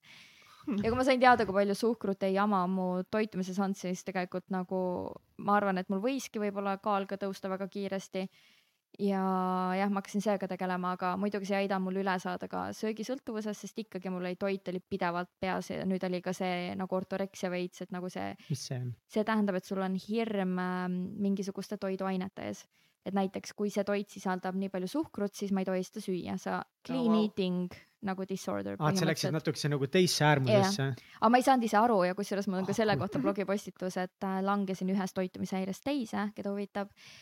Ja kui ma sain, sellest ma sain alles eelmine aasta aru, et ma kuna sul langesin halb ühest mälus, võin öelda, et kaldusin ühest toitumishäirest Aa. teise. sest ma just enne vaatasin seda Aa, postitust ja et äh, kui ma sain aru, et, et ma olen suht mingi eelmise aastani olnud veel toitumishäiretes, ilma et ma isegi oleks aru saanud, sest kui sa pead ka dieeti, see on toitumishäire, kui sa loed makrosi ja kannad toidukaalu igal pool kaasas, siis see on toitumishäire. miks? Miks, miks on see toitumishäire? miks näiteks makroti lugemine on sinu arvates toitumishäire? seepärast, et äh, jah, ma saan aru, kui sul on nagu mingid spordialased väga suured nagu eesmärgid või mis iganes, aga ma usun, et me oleme inimesena tead nagu loodud intuitiivselt toituma, kuulama oma keha sisetunnet ja lihtsalt sööma selles mõttes, et söök oleks meile nutrition ja nii-öelda siis äh, kütus. et äh, toitumishäire selles mõttes, et see ei ole nagu normaalne, et mis peaks olema normaalne, ongi see lihtsalt intuitiivne toitumine, lihtsalt see ja kõiksugused dieedid ja kõik on nagu osa nii-öelda toitumishäire kultuurist tegelikult minu silmis, minu Mhm. arvates, ei, absoluutselt, see ongi, see on hästi huvitav, kus see sinu vaatepilt, aga siis siia juurde tähendab, ongi siis vaja nagu päris palju seda teadlikkust, Mhm. eks ole. lihtsalt nagu saada sellest baasist vähemalt nagu aru, et, et võib-olla mitte, ma ei räägigi, et, et kõik me peame olema võib-olla nii teadlikud, targad kui sina, sest sa oled nii palju lugenud mingi kümne, kaheksa, viie aasta jooksul, mis iganes, eks ole, aga, aga selle baasi võiks nagu igaüks tegelikult selgeks, teha, absoluutselt, et see võiks koolist juba maast madalast tulla ja nagu olla korduses ka gümnaasiumi ajal. Ja tegelikult äh,, mis ma tahtsin veel öelda, et ma muidugi ma näen, et on koht sellele, et näiteks kui inimesele antakse toitumiskava, et inimene saaks aru, mis on nagu normaalne portsjon või mis võiks olla umbes need toidud, mida sa sööd, sest paljud inimesed ei tea mitte midagi, mis asi on Mhm. valk, süsivesik, rasv või on üldse mikro või makrotoitained et nagu tead, see baas võiks muidugi koolist tulla, aga paljud võtavad just seepärast endale mingeid kavasi. Aga see kava on nagu selles mõttes jama, et sa ei saa aru sellest mõttest seal taga, sa lihtsalt järgid mingeid numbreid ja mingeid nagu ette öeldud asju, onju. seetõttu vahepeal ma tegelikult tegelesin ka toitumisnõustamisega selles mõttes, et ma võtsin endale sertifitseeritud toitumisnõustaja, kellega koos me istusime inimestega maha ja tegimegi niimoodi, et me ei jaganud mitte mingit toitumiskava, vaid me palusime pidada nädal-kaks päevikut, vaatasime üle, mida ta sööb, siis äh, toitumisnõustaja, kuna tema on nagu õppinud toitumisnõustajaks, tema rääkis üldse nagu kogu selle püramiidi ja kõik asjad lahti, mida võiks süüa, kui palju ja nii edasi. ja mina sealjuures, kes ma olen just selle toi- tervisliku toitumise poolega tegelenud ja nagu kuidas hoiduda mingisugusest jamast meie toidus ja retseptiideid, siis ma vaatasin tema menüü selle mõttega üle, et mida välja vahetada, mille vastu näiteks äh, mis on head nipid, kuidas näiteks inimene, kes ei söö kunagi, kas ei suuda õhtus süüa normaalselt või terve päev on näljas ja siis täiega pingib üle. Et nagu ma jagasin siis seda aspekti, et kuidas nagu paremaks saada. mis need kõige suuremad eh, murekohad eh, olid, sa nägid, et mida inimesed nagu söövad liiga palju ja kus nagu vajaka jääb? Nad lihtsalt ei arvavadki, et näiteks mingi low calorie mingisugune joogijoogurt on hea ja mingid siuksed asjad nagu nii basic asjad, et mingi aa, kas hakklihajahukaste makaronidega ei ole siis tervislik toit või et see ei ole ju kiirtoit, et inimesed arvavad, et kiirtoit on ebatervislik toit. Et nagu see, kui vähe süüakse rohelisi köögivilju, puuvilju, oli väga murettekitav ja töödeldud ja nagu valmis toit et just need poolfabrikaadid on ka hästi ohtlik ala, sest me ei tea, palju sinna on igasuguseid rasvu, jahusi, lisaaineid, E-aineid, säilitusaineid, kõike, maitsetugevdajaid, kõiki asju see on pandud. nii ränk, aga kas see, no näiteks Kats on ju, kui teie muutsite Egertiga ka nagu võtsite kätte mm -hmm. ja muutsite täielikult oma toitumist, ongi mm, -hmm. te sõite enne ka ikka nagu minagi, noh täiesti suvaliselt suvarämpsu. Mhm. kas see oli mm. -hmm. nagu raske seda kõike vastu võtta, ma mõtlen, see on nagu Mhm. hästi inglise, inglise keeles hea Jaa. selline overwhelming, kuidas see Mhm. eesti keeles on nagu Mm. noh, seda on raske Jaa. hoomata kõik, Mhm. isegi seda baastaset kui nullist alustada, võib-olla väga raske hoomata. eks see on keeruline, nagu lihtsalt ongi nagu mina, kes ma kunagi sõin nagu ainult põhimõtteliselt mingit äh, hapukoort äh, viineritega ja lihtsalt nagu noh, mul pole ka üldse aimugi see, et nagu see, mis ma söön nagu noh, et kuna ma lihtsalt nagu geenid, ma ei lähe nagu selles mõttes nagu otseselt paksuks, kui ma nüüd mingi ainult saia sööks, onju, et ma võisin vabalt hapukoore sisse neid äh, saiatükke vaata panna ma mõtlesin nagu, et noh, kuna ma tunnen ennast nagu okeilt, vaata, et siis see ongi nagu fine ja üks hetk lihtsalt see nagu teadmine, et nagu et noh, ma saan ennast veel paremini tunda mm. -hmm. et nagu sellel on tulevikus nii suur mõju, oli nagu vau wow,, okei okay. ja tegelikult nagu noh, ma ei tea, ma ei ütleks, et nagu väga raske oli, no kui sa võtad nagu väikeste sammudena mm, -hmm. mingi suhkrust loobumine Mhm. on ju alguses ja siis piimatoodetest ja siis juba lihast on ju siis. võib väga suur nagu enesetunde, kõige hullem ongi see, et paljud on mingi, mul on tervis korras, millest sa räägid, onju, et ma olen ainult mingi kaks korda aastas haige ja ma ei tea mm.. -hmm. ainus asi, mis mul on, on mingi näiteks akne või mingi nahahaigusega, noh, see on ju pärilik või see peabki olema või mis iganes. inimesed ei tea, kui hästi nad võivad ennast tunda, kui nad tervislikult toituvad, kui palju rohkem jaksu ja jõudu neil on, kui palju parem nende uni on, nende nahk, kõik asjad nagu. Üks asi on see, et see on hea, hea nagu point, mida, mis võiks inimesi tõesti no käima tõmmata, aga teine on ikkagi see, et täna ikkagi noh, meie statistika näitab ikkagi tugevalt, et me ikka sureme järjest rohkem nendesse Ja, elustiili ja, haigustesse, et sa võid tunda ennast nagu hästi, aga siis on viiekümne viie aastaselt insult või Mhm. Jaa. mingi südamerabandus. praegu on juba ju, just kuulsin, et ühel lähedasel, kelle poeg käib koolis, et mingi, ma ei tea, kaheteist-kolmeteistaastane lihtsalt sai infarkti koolis vetsus ja surigi ära nagu, et nii Vau. noortelt võivad tekkida mingid südamehäired nagu on täiesti uskumatu ja üldse, kui vaadata, et nagu kui paljudel on ka mingid äh, kasvõi diabeet, okei okay,, räägime üldse USA-s, kus kõik lapsed käivadki oma ravimite ja asjadega nagu minu jaoks on see täiesti nagu mind blowing, õnneks mm. -hmm. Eestis õnneks nii hull ei ole, aga ikkagi nii kergelt kirjutatakse lastele ka rahusteid ja antidepressanti, igasuguseid jamasid välja, kui lihtsalt vaataks nende toitumise üle, kas neil on ainepuudus ja nende keha ei suudagi äkki serotoniini toota või midagi või neil on uni kehv ja nende aju ei suuda ennast välja puhata ja tekivadki erinevad neuroloogilised häired ja nii edasi nagu. Ja nii paljud inimesed arvavad, et jumala okk on olla vähemalt ühel ravimil. ei Mm. ole, nagu ma ei kujutaks ette, ma pole, ma pole ravimit suu sisse võtnud, ma ei tea, mitu aastat.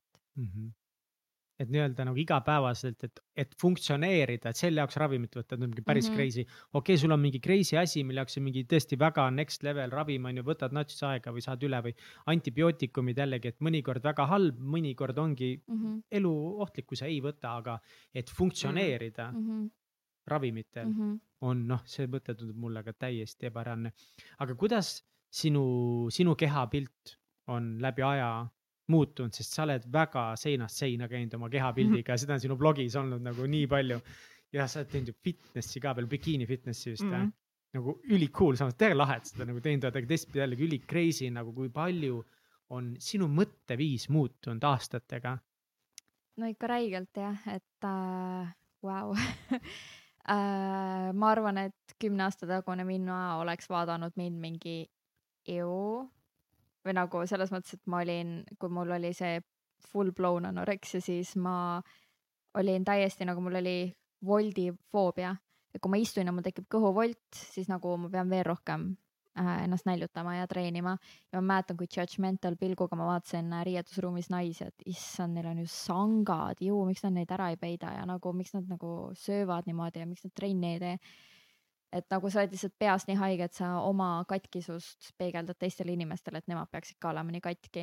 Kuigi samas ma olin täiega kade, kui ma nägin, et mingi näiteks natukenegi ülekaalus inimene oli õnnelik või tal oli mingi kutt ja nad olid hullult õnnelikud, siis ma olin nagu mingi, see on nii ebaaus, ma olen palju kõhnem ja nagu sihuke mm. -hmm. maailmapilt, et see on nagu nii haige. ja üks postitus, kui ma tulin välja, miks ma paks olen mis oli mis oli jutu, jutumärkides, miks ma paks olen, aga see oli üks kõige siin populaarsemaid see oli üks kõige populaarsemaid ja kõige kas ma võin ette ausamaid lugeda selle, mitte mingi koha. postituse, vaid selle Kommentaari kommentaari? Ja see tuligi, see kommentaar nagu andis mulle selle aluse, et ma mäletan, kui sa panid selle minu meelest Instagrami Mhm, story'sse story'sse ka ja ma ei ole väga palju sinu blogi Mhm. mm -hmm. lugenud, aga ma mäletan nii hästi, kui see tuli mm.. sa oled ikka, sa oled väga kaunis naisterahvas, sa oled särav, sa oled väga ilus äh, naine ja, ja siis tuli sihuke kommentaar, see oli nii naljakas. aga nii, tsitaat. aga kuidas sul selline magu ees on, kui sa kogu aeg trenni teed? mingit lihast võiks juba olla nende aastate peale. mul on kaks NSL korralikku trenni ja six-pack, pluss ka sa kardiot ei tee üldse, jalad on nii paksud. uh. Jesus Christ.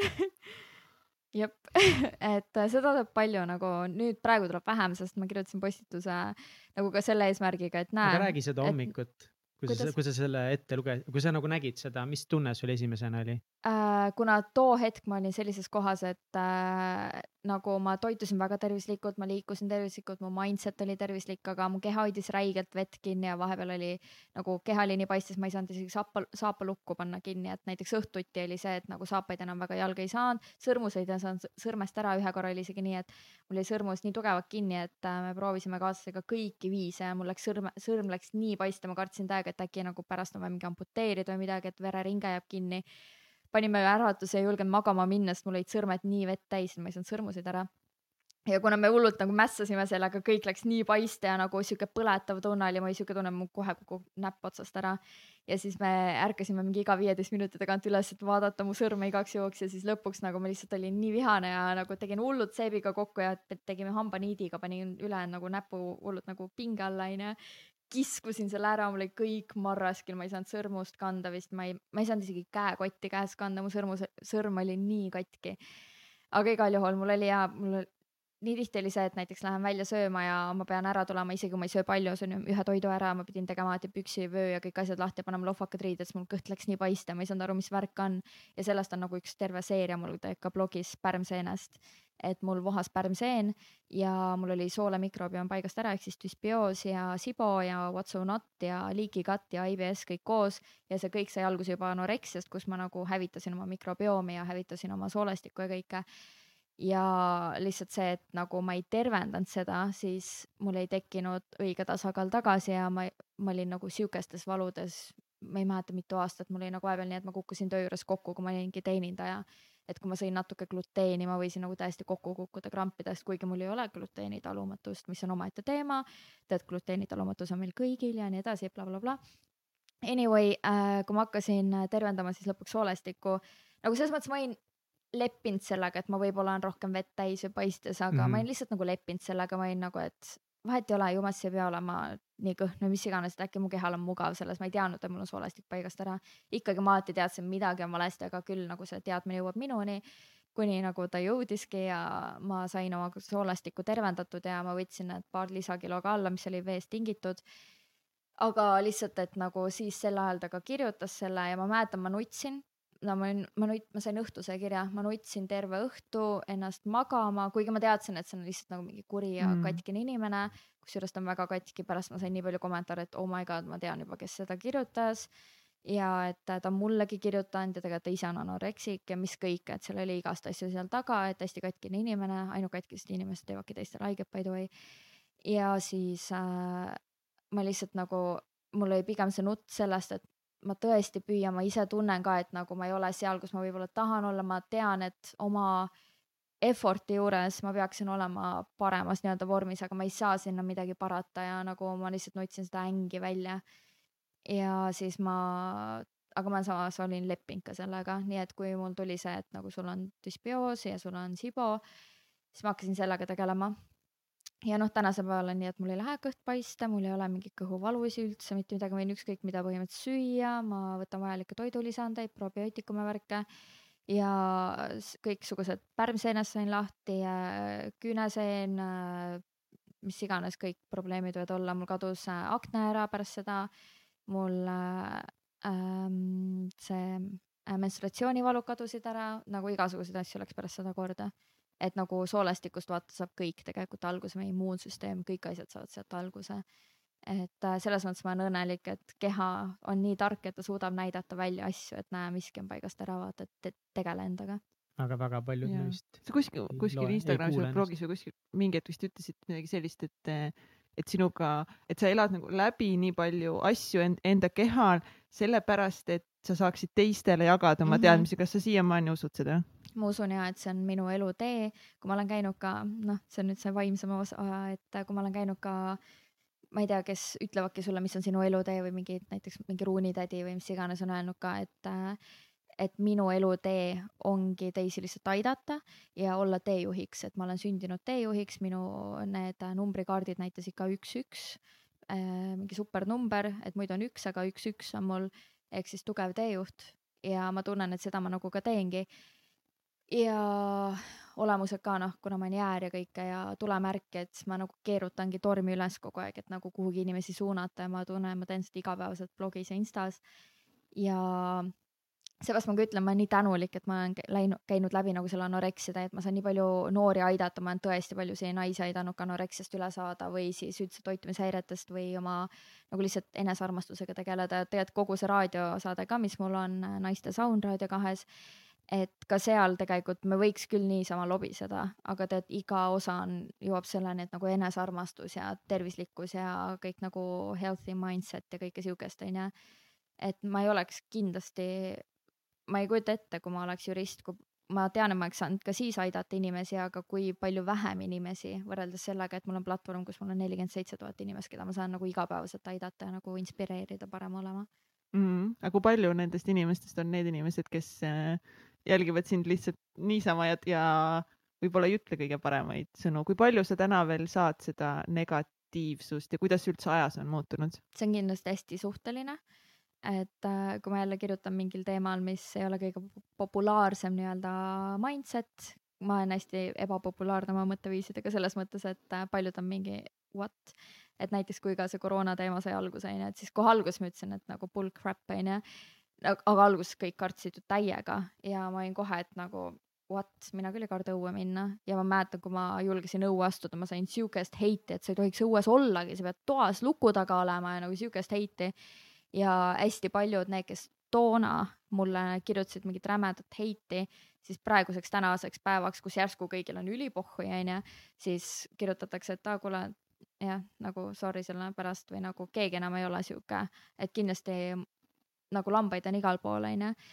Sorry, aga that's just how it is aga igal juhul, et kindlasti see ajas muutub, et kui inimesed ise ka ennast nagu harivad või nagu algne emotsioon lastakse lahti, et hästi palju on emotsioonilt vaata kirjutajaid mingitel teemadel. et äh, kindlasti on neid, kes heidivad ikka veel, aga mm. -hmm.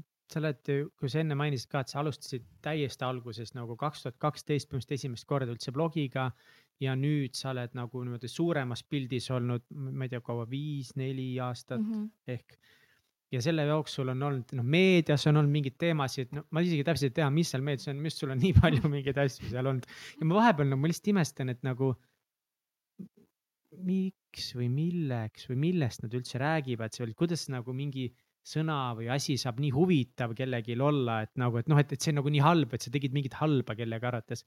aga kuidas sa, ma kujutan ette, et alguses kindlasti, kui sa said nii-öelda kuulsamaks ja sul oli see suurem platvorm ja kui esimest korda tulid mingid negatiivsemad mingid artiklid näiteks mingi kollane meedia keerutas mingit sitta üles, et kuidas sa siis sellega suhestusid ja kuidas sa oled õppinud hakkama saama selliste kommentaaridega nagu, et miks sul sihuke magu ees on, kui sa trenni teed? kuna ma äh, alguses ju nagu ma alles leidsin iseend ka mingi kaks aastat tagasi või nagu astusin sinna rajale, et ennast leida. Kui sa ei tea, kes sa tegelikult oled ja kui sa ei ole leidnud enesearmastust, siis sa usudki kõike, mida sinu kohta öeldakse ja sa oled hästi kergesti mõjutatav teiste inimeste arvamuse poolt.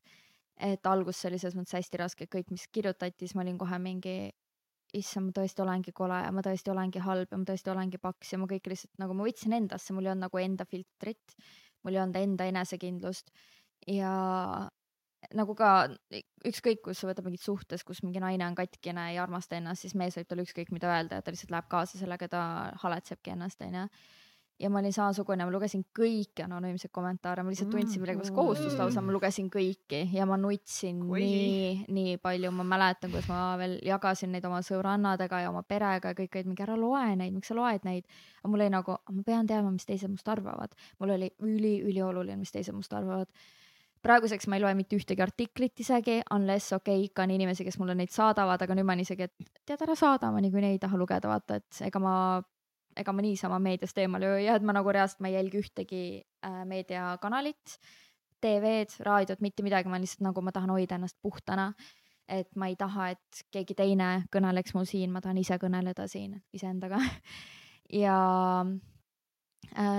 kui ma avastasin jah selle, kes ma päriselt olen ja ma kuidagi sa leiad sealt ka oma väärtuse, kui sa õpid ennast armastama, siis tekib lihtsalt nagu mingi sisemine enesekindlus ja kui ma käisin nüüd just kusjuures äh, äh, Türi koolis lastele rääkimas, siis keegi oli mingi, nad nagu täiega naersid, kui awkward või veider ma olin nagu nende ees, et nagu tegin mingeid veidraid asju ja siis mingi, oota, kas mul on mingi huulepulk sinna, on või?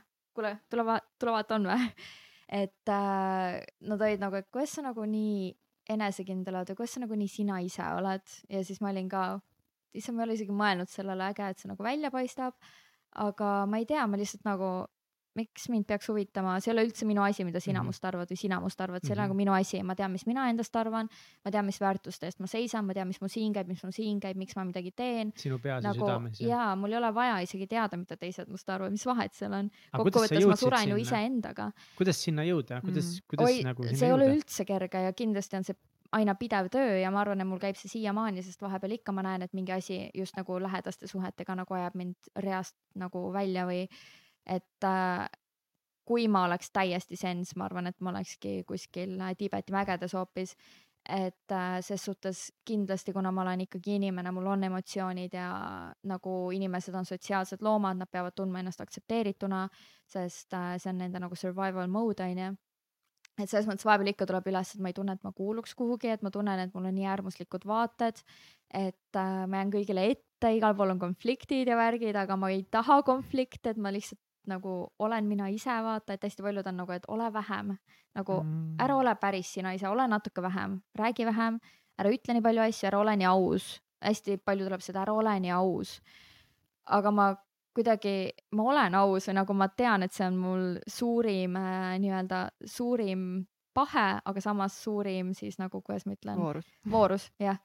et äh, kõik asjad tegelikult, mis mul on, kui ma hakkasin aru, või noh, vau, ma jõudsin praegu selleni, et äh, tegelikult kõik mu suurimad voorused on mu suurimad pahed. Need, mis toovad mulle kõige rohkem edu, toovad mulle kõige rohkem pahandust, mis on väga põnev, nagu just näiteks ausus ja nagu see väljaütlemine, ekspressiivsus, emotsionaalsus, kõik siuksed asjad, et et muidugi inimestele meeldib, et ma olen hästi emotsionaalne kaamera ees, et ma olen hästi sihuke elav ja mis iganes pavuli, aga samas see tähendab, et ma olen ka konfliktides väga emotsionaalne või siis näiteks mu ausus äh,, kui ma julgen minna võõra inimese juurde, öelda, et for fuck's sake, sa näed üliäge välja, onju, siis samas ma julgen minna ka öelda, et kuule, sa oled täielik scumbag nagu, et mida sa teed, vaata.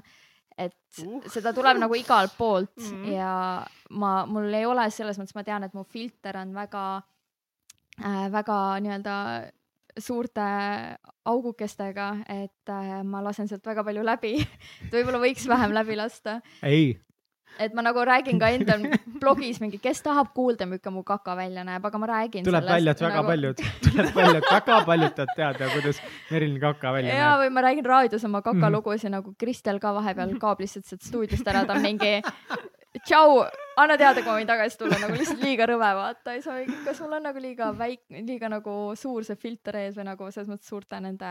no ja aga enamus inimesed ei julgegi nendel teemadel rääkida, aga see ongi see, et kõik tahavad tegelikult teada Jaa. neid asju ja see on meie igapäevaelus nagu need on need asjad Jaa, nagu, mis täpselt. meid kõiki puudutavad, aga lihtsalt nagu me ei julge nendest Jaa. rääkida ja sa julged ja see ongi eristuv ja see toobki konflikte ette ja kõik see tulebki sealt ja millest sina ei julge rääkida, Kats?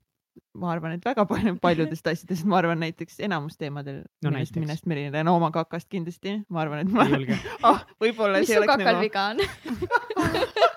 vot ma ei tea, ma arvan, et palju äkki. ma, ma arvan, et mis ta ennast on, palju. ükssarvik või nagu su tassikesel või? nagu meil mõlemad tassikesed on üks särk, mis minu särk on? või, või? ma ei tea, võib-olla vahepeal on äkki. on nii eriline? on raske onju, Kats, ma juba näen su näost kõik, et see on nagu raske, raske on rääkida ebamugavatest muidugi on asjadest. raske ja eriti kui ma ei, ei ole nagu sellest nagu varem rääkinud või nagu noh, ma arvan, et mul on väga palju teemasid, millest ma ei ole nõus rääkima. mul oli ka varem, aga nagu, kui ma hakkasin neid maske endale eest laskma, kui ma hakkasin oma kaaslasele kõigest rääkima, mingi, need on kõige ägedamad jutud, nagu need on asjad, millest ma pole kunagi kuulnudki või nagu ma mõtlesin, ma olen üksinda mingite asjadega või ma mõtlesin, ma olen ainus, kes on päriselt mingi hamburgiga otsinud oma kakases usse või nagu mis iganes. ma sõin wakamet nagu, kui te mm -hmm. Mhm. ei tea, wakame on väga ohtlik asi, mida süüa, sest see ilmneb su kakas, nii et sa võid teha ussikuure pärast seda, sest sa arvad, et need on ussid. Sellest on mu raadiosaates terve nagu osa ja see on väga rõve osa ja see tuli laupäeva hommikul kell kümme inimest hommikusöögile. et selles mõttes nagu vahepeal on vale koht või vale aeg, aga, aga igal juhul nagu ma ei tea, ma ei tunne, miks ma pean häbenema seda, et ma olen inimene või miks ma pean häbenema seda, et ma käin kakal või miks ma pean häbenema seda, ühiskond on otsustanud, et vot niimoodi täpselt, on et. nagu me kõik naerame kõlba. selle üle, et mis asja viiekümnendatel naised pidid olema koduperenaised ja olema kogu aeg kleidikestes ja kontsakestes, et mis asja, et mingi naeruväärne, mida me teeme tänapäeval, nagu täpselt sama asja, et aa, kuule, kasuta meik, kanna meiki või pane filter ette või siis äh, vaata, vaata, et sa ei ropenda avalikkuse ees või äh, vaata, et sa ei tee puuksu avalikkuse ees või peaasi, et sa krooksu ei teeks nagu for god's sake onju ja igasuguseid asju teed, mingid reeglid ja värgid. ma ütlen, et muidugi võiks olla mingid manner'id nagu need manners, noh, Jah. jaa, et täpselt. need võiks olla olemas onju. viisa, noh, viisakus ja mingisugused kombed, kombed, et kombed võiks olemas olla onju. Aga lihtsalt, et me ei julge isegi nagu me sureme pigem häbiseme nagu pigem põgenema lihtsalt täiesti ära, kui midagi siukest peaks juhtuma ever. ja kõige hullem on see, et me võtame need asjad suhetesse kaasa, et mõni naine räägib, et nad ei julge isegi meigita no mina olen ka rääkinud, ma ei julgenud kunagi meigita kaaslases olla ja Ei nii edasi. mul oli akne nagu, mul on punnid, mis mõttes. jaa, sa oled oma aknast päris palju ka rääkinud ja, ja sellest sa said lõpuks küll ikkagi oma keha ja toitumise muutmisega kontrolli ja ma ei tea, mis seal täpselt lõpuks Mm. oli, ma arvan, et hästi palju on ka vaimsuses kinni, et näiteks kui sa oled veendunud, et sul on akne ja sa, see, on sinu akne, siis sa nagu sisendad endale, et see ongi minu akne ja see jääbki minuga mm. -hmm. ja ma lihtsalt lasin nagu lahti, et mul ei ole aknet. ma nagu hakkasingi uskuma, et mul ei ole aknet, ma ärkan üles ja mul ei ole aknet. Ja muidugi ma muutsin oma nagu seda facial, kogu seda teemat, mida ma kasutan, palju ma kasutan, toitumine on ju ja kindlasti soolastiku tervendamine, kõik asjad ja toidulisandid, mis what's or not, et ma ei tea täpselt, mis seal oli. aga ma pean ikka nagu No. küsima siinkohal siis, et kui sa ei julgenud oma elukaaslase või kaaslase ees olla ilma meigita, et kas siis see oligi nii nagu, nagu naljaraamatus räägitakse, et naine ärkab hommikul varem üles enne meest ja teeb meigi ära. tegidki, tegidki täpselt mm Mhm. -hmm. nii, nii karm. Ja ega ma ei teinud full blown meiki, ma peitsin no oma punne ära nagu ja Mhm. mingi siukse ja. nagu peitepulk või seal voodi kõrval vahepeal. no ja mehed on Aga- nii lollid aga ka. mul oli ka ei, minu reaalselt- naine küll meiki ei kasuta, mis see kogu aeg on Ja, ja. normaalselt. ja mul oli ka ju. seda, et näiteks pärast seksi, vaata, kuna sa ikkagi hõõrud ja mm. -hmm. higistad, mis iganes, et ma jooksingi nagu kohe vannituppa, et ruttu nagu vaadata üle, mis on, onju. Et äh, ebakindlus oli lihtsalt nii suur, et nagu, nagu see oleks defineerinud seda, kes ma olen et nagu keegi oleks minuga koos, sellepärast kas mul on kuskil punn või ei ole. Ja et muidugi need ebakindlused hakkavad nagu vaikselt ükshaaval nagu maha tulema, et äh, mul on näiteks see, et mul on keratoosis pilaris, mis tähendab seda, et äh, et äh, mul kätel nii-öelda tekivad nagu karvanääpsude kohta tekivad blokeeringud, nii et tekivad siuksed pisikesed punnikesed ja see jätab siukse ebaühtlase naha mulje ja siukse punetava mulje ja vahepeal nagu tekib sinna põletik ja siis võib tekkida punn ja mis iganes. et see on hästi tavaline levinud, aga see peaks kaduma ära kahekümne viiendaks eluaastaks, aga miks sa ei ole ära kadunud, ma ei tea.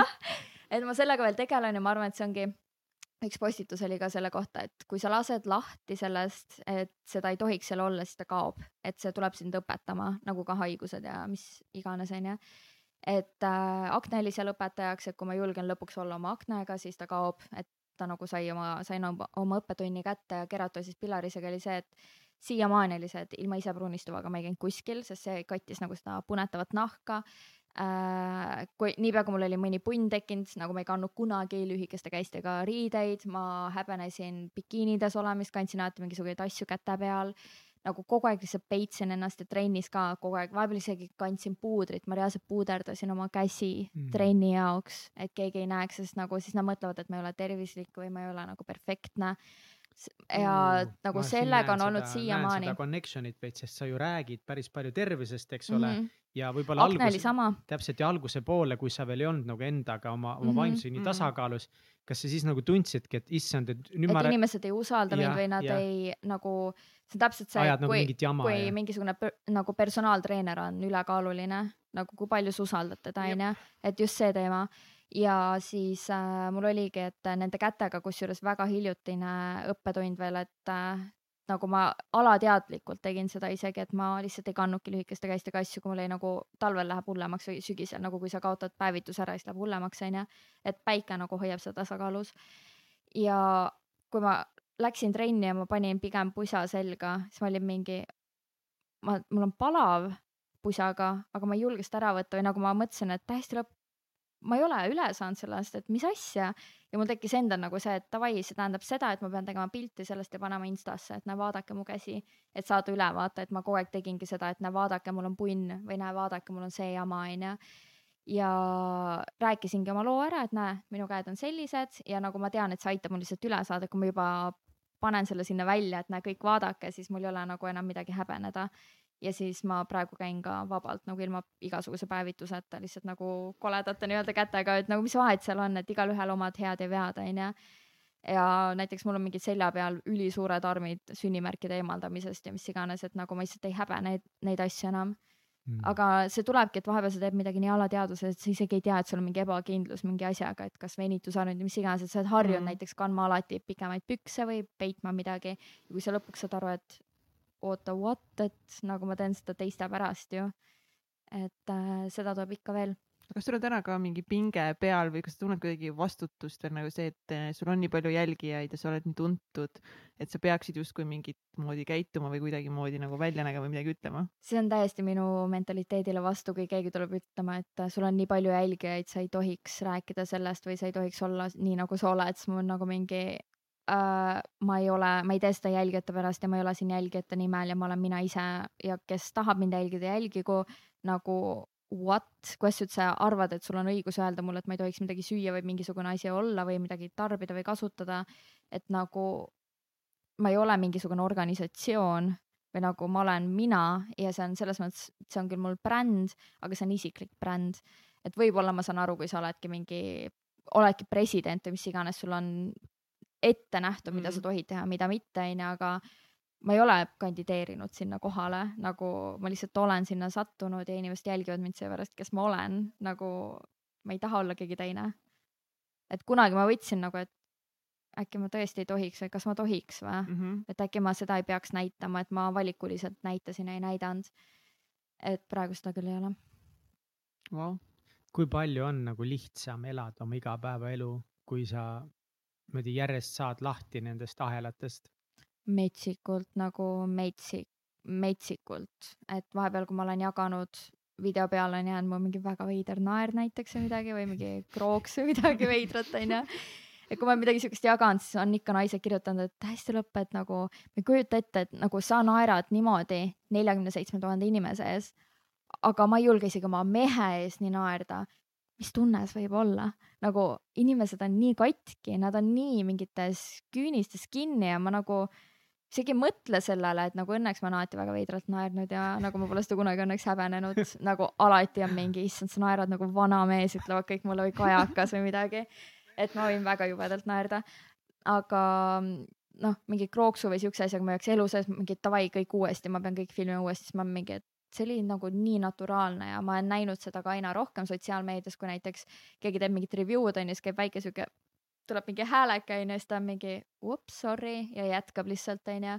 et ei ole seda, et goddammit, ma pean selle välja lõikama mm, -hmm. et mhm. nagu see on täpselt see, et me maname mingit valepilti ette.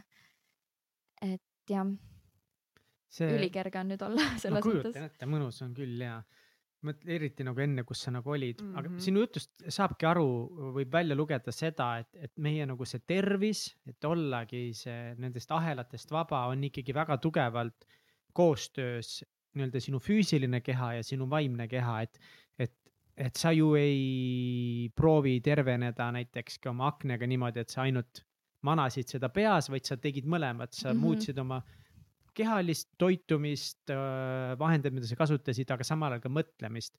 kuidas sinu jaoks üldse see mõtlemine ja vaimsuse teekond läinud on, et näiteks üks asi, mida Roomet välja tõi, on see, et nii-öelda see vaimne, oota, kus ma nüüd panin selle, ma kohe ütlen ah,, see oli siin vaimne ärkamine on olnud väga suur väljakutse sulle. ja kui me räägime vaimse ja füüsilise keha kooskõlas, siis uh, The Biology of Belief Bruce Liptoni poolt on üliäge raamat mm,, kus on siis teaduslikult ära tõestatud, kuidas meie uh, mõttejõud uh, suudab tekitada olukordi meie kehas, kas haiguseid või tervenemist või mis iganes ja no seda on nii palju olnud platseebo teemat on ju, et see on, platseebo on tihtipeale isegi nagu parem mingisugune ravim mingite asjade vastu.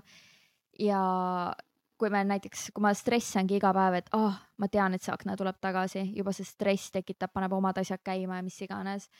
ja lihtsalt, et ma annangi oma kehale signaali, et näe, tekita mulle akna, sest ma usun, et see on mul olemas.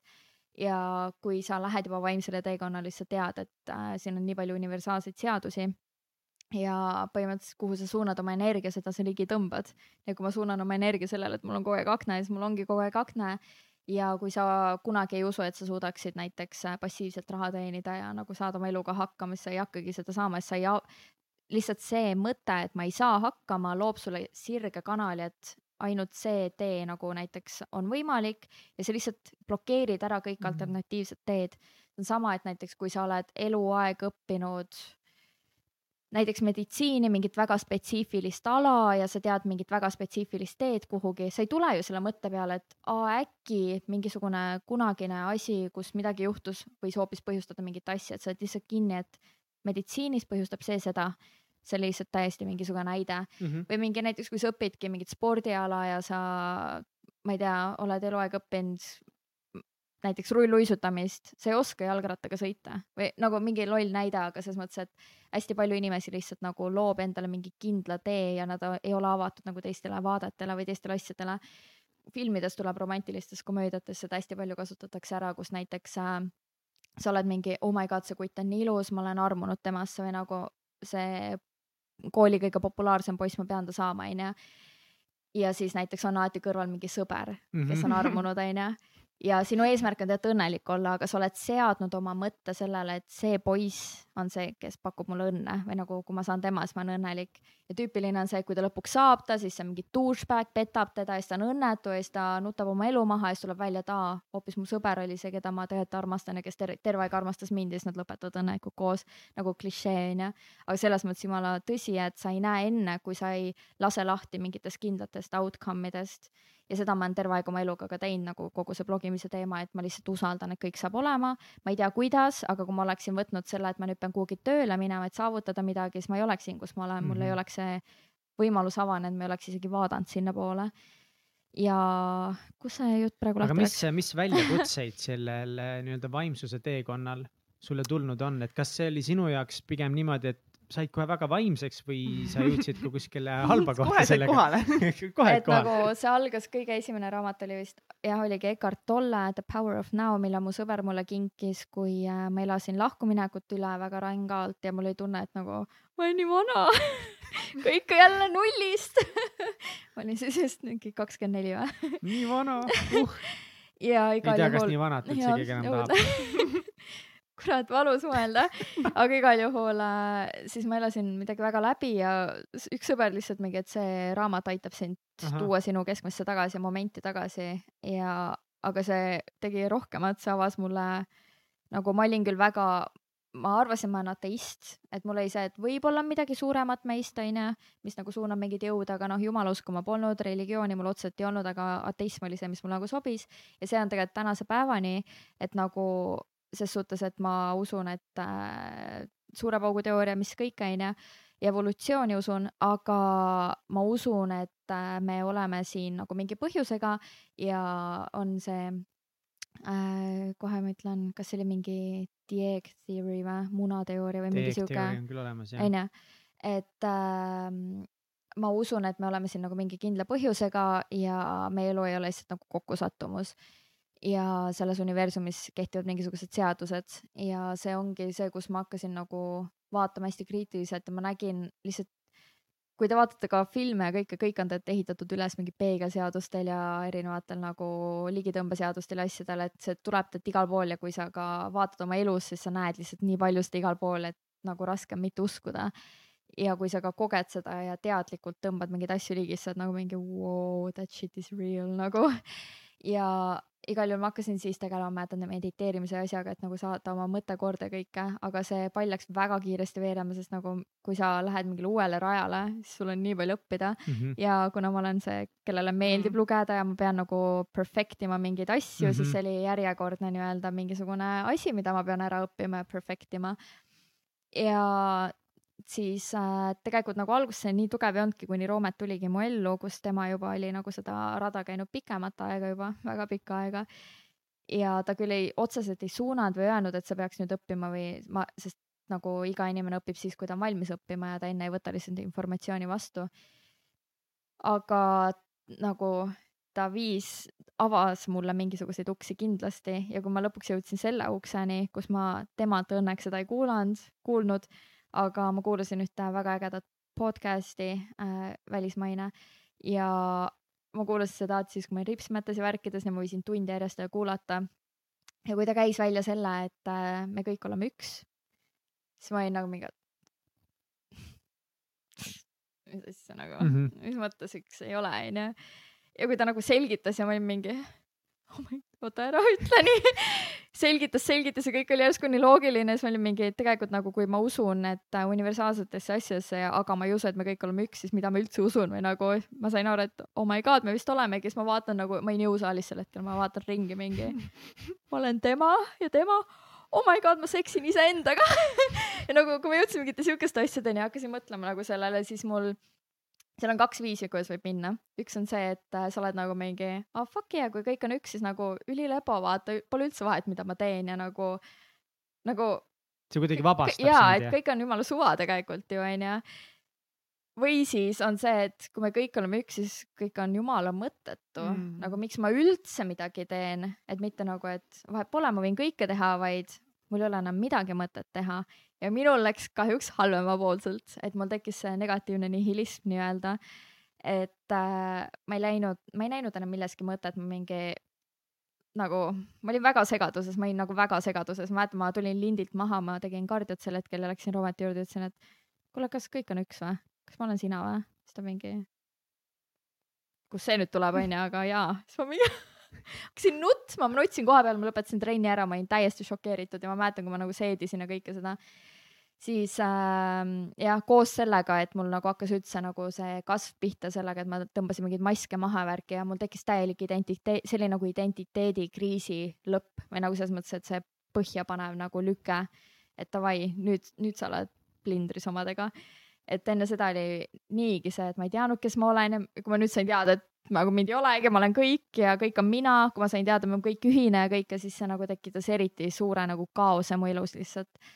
ja sellest väljatulek võttis lihtsalt väga palju aega, et selles mõttes ei, see ei tulnud kergelt. no kuidas oli... see kaos välja nägi, et, et sa ühesõnaga sa ütled, et sa oled, et sa jõudsidki sel hetkel mingisuguse põhja mm. -hmm. ja mis mi,, mida see tähendas sinu jaoks?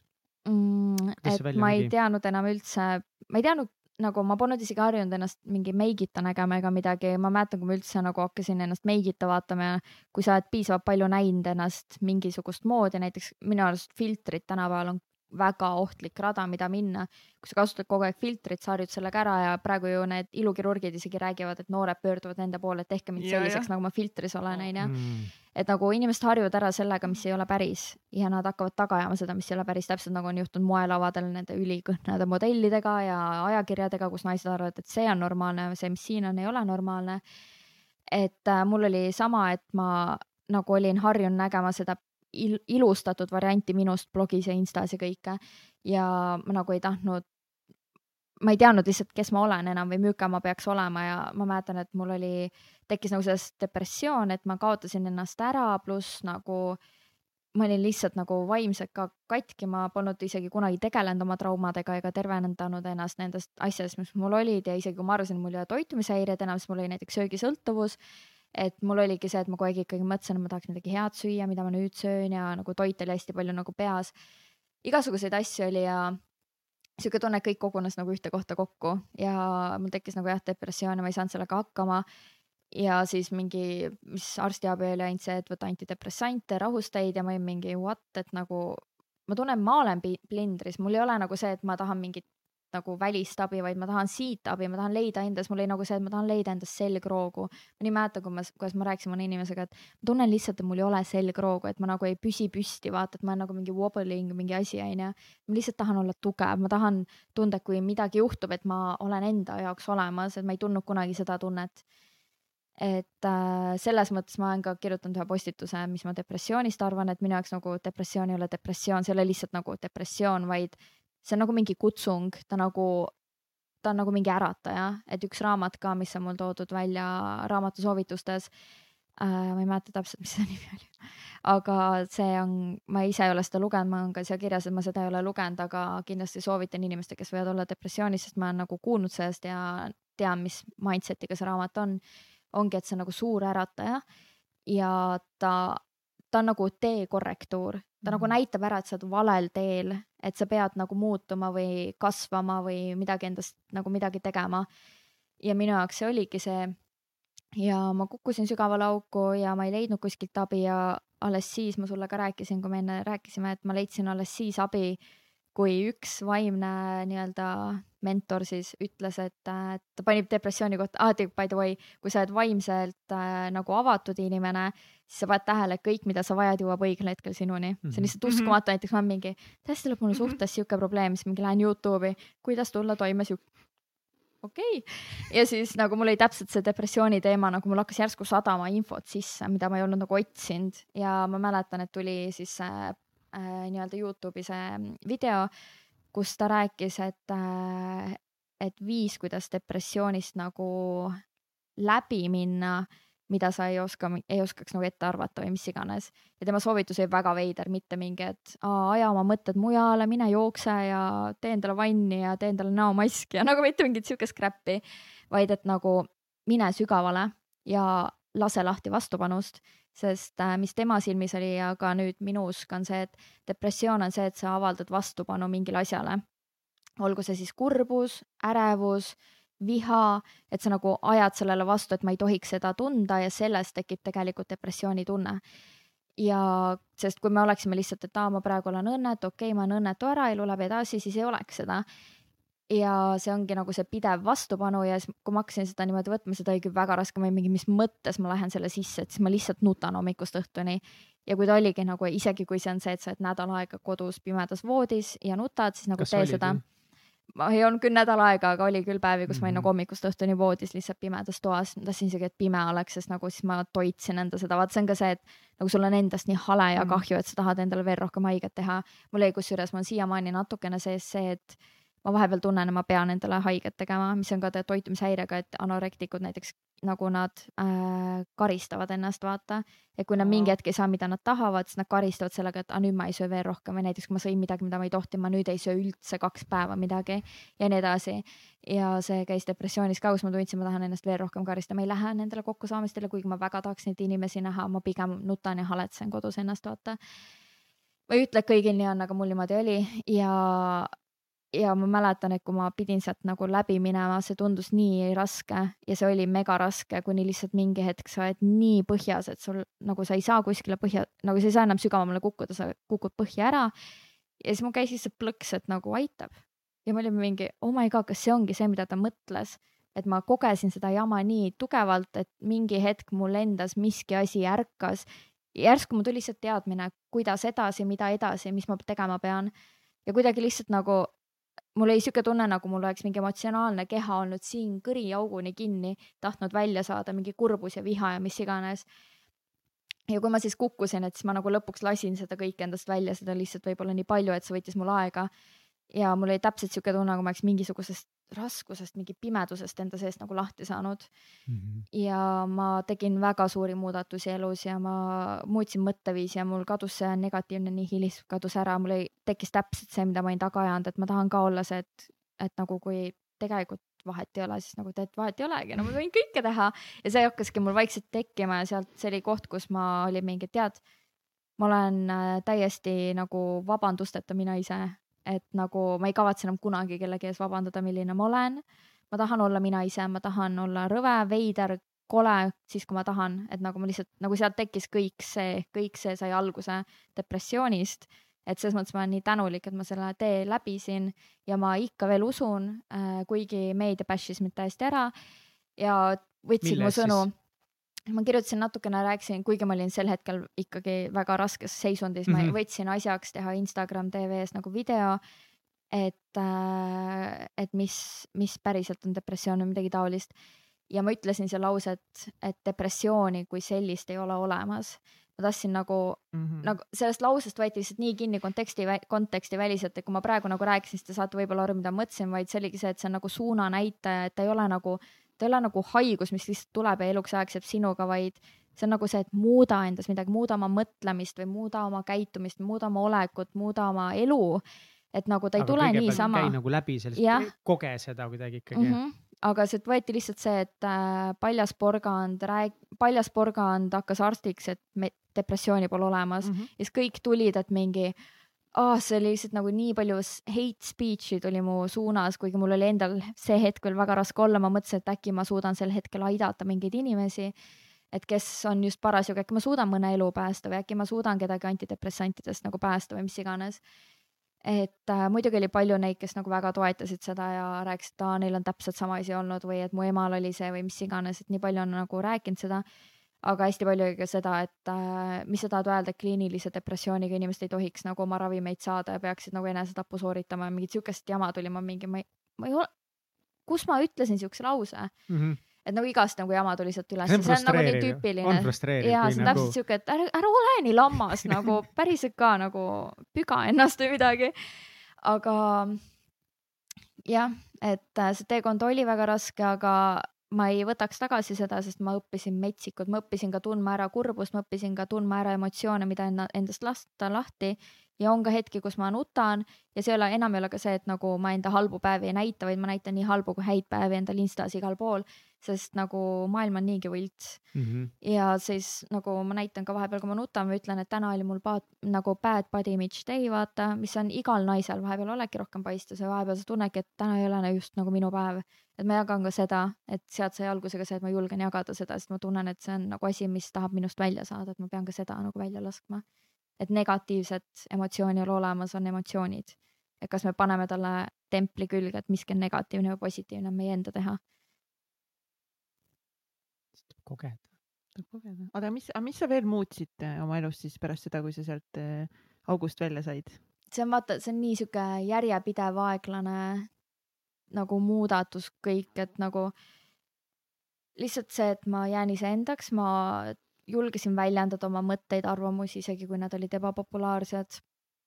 ma julgesin olla ilma meigita kõikjal äh,. ma lihtsalt nagu õppisin, mul oli nagu see, et ma tahan, ma tahan teada, kes ma olen, ma hakkasin õppima ennast tundma. et mis on minu jaoks ebamugav, mis mitte, hästi tugev oli see, et õppida ütlema ei sead oma piirid, et nagu minu piir on siin, minuga sa nii ei käitu, nagu hästi tugevalt see, kus ongi, et keegi näiteks käitub sinuga halvasti ja sul ei teki isegi seda, et sa pead hullult ennast nagu nüüd karjuma ja kaitsma, vaid sa oled, et okei okay,, ta ületas mu piire.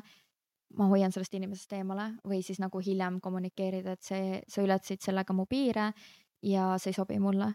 aga varem oli nagu hästi temperamentne, hästi sihuke, et nagu wait, what did you say nagu sihuke inimene onju tõmbasid nagu mingi sae jaa, ma läksin kohe nagu käima, aga praegu mul on, mul on olnud olukordi, kus mu peale röögitakse, aga lihtsalt ma olengi, et okei okay,, et see on minu silmis väga madal käitumine ja ma ei aktsepteeri seda ja minuga nii ei käituta. ja igast erinevaid asju nagu lihtsalt, ma isegi nagu õppisin, ma mäletan, ma isegi katsetasin seda, et mida, mis riietused on minu moodi, mis mitte, mida ma kannan seepärast, et näha ilus kellegi jaoks välja ja mida ma kannan seepärast, et mulle meeldib, ma isegi tegin vahepeal sellise asja, et ma ei kanna enam ilusaid riideid, kandsin ainult mingi sweatpants'e ja üritasin olla hästi rääbakas, et nagu üritada leida see confidence ka siis, kui sa ei näe füüsilises mõttes kõige parem välja. Ma olin ka, nagu, sest ma tahtsingi teada, kas mulle päriselt meeldib kleidikesi kanda või nagu see on mingisugune arusaam ühiskonnast. Vau, Jaa. vau, vau, vau. ja Okei, siis ma on mäletan, et ma rääkisin Roometile, et näiteks üks päev ma paningi kleidikese, siis selgus, ma olin mingi, tead, mulle ikka nii meeldib olla kleidikeses, ma tunnen ennast nii plikana, vaata mulle ikka nii meeldib, siis ta mingi, siis ongi okei okay,, siis sa oledki sina, siis ma mingi, ma olin nagu väike laps, ma jälle õppisin ennast tundma, ma nagu tegin kõik selle arengu uuesti läbi, et see oligi nii veider, ma olin mingi, et kuule jaa, mulle ikka meeldib ja et see ei ole nagu ühiskonna surve, et see mulle päriselt meeldib. ja igasuguseid asju nagu, et äh, püüdsin hakata olema mingi mustade juustega värki ja mingi tegemata juuksed näiteks, et nagu lihtsalt mingi soorakil jookseb, mul ei olegi aega või mind lihtsalt mingi päev ei huvita, milline ma välja näen, et mm Mhm. -hmm. nagu, sest ma tegin, vaata muidu on ikka inimestel need uh, kodus olemise päevad on ju, mis sa nagu arvestad, pühapäeval sa nagu ei, võib-olla ei näe kõige parem välja. aga kuna ma olin kogu aeg Insta story des, ma tundsin pinget, et mina pean kogu aeg hea välja nägema.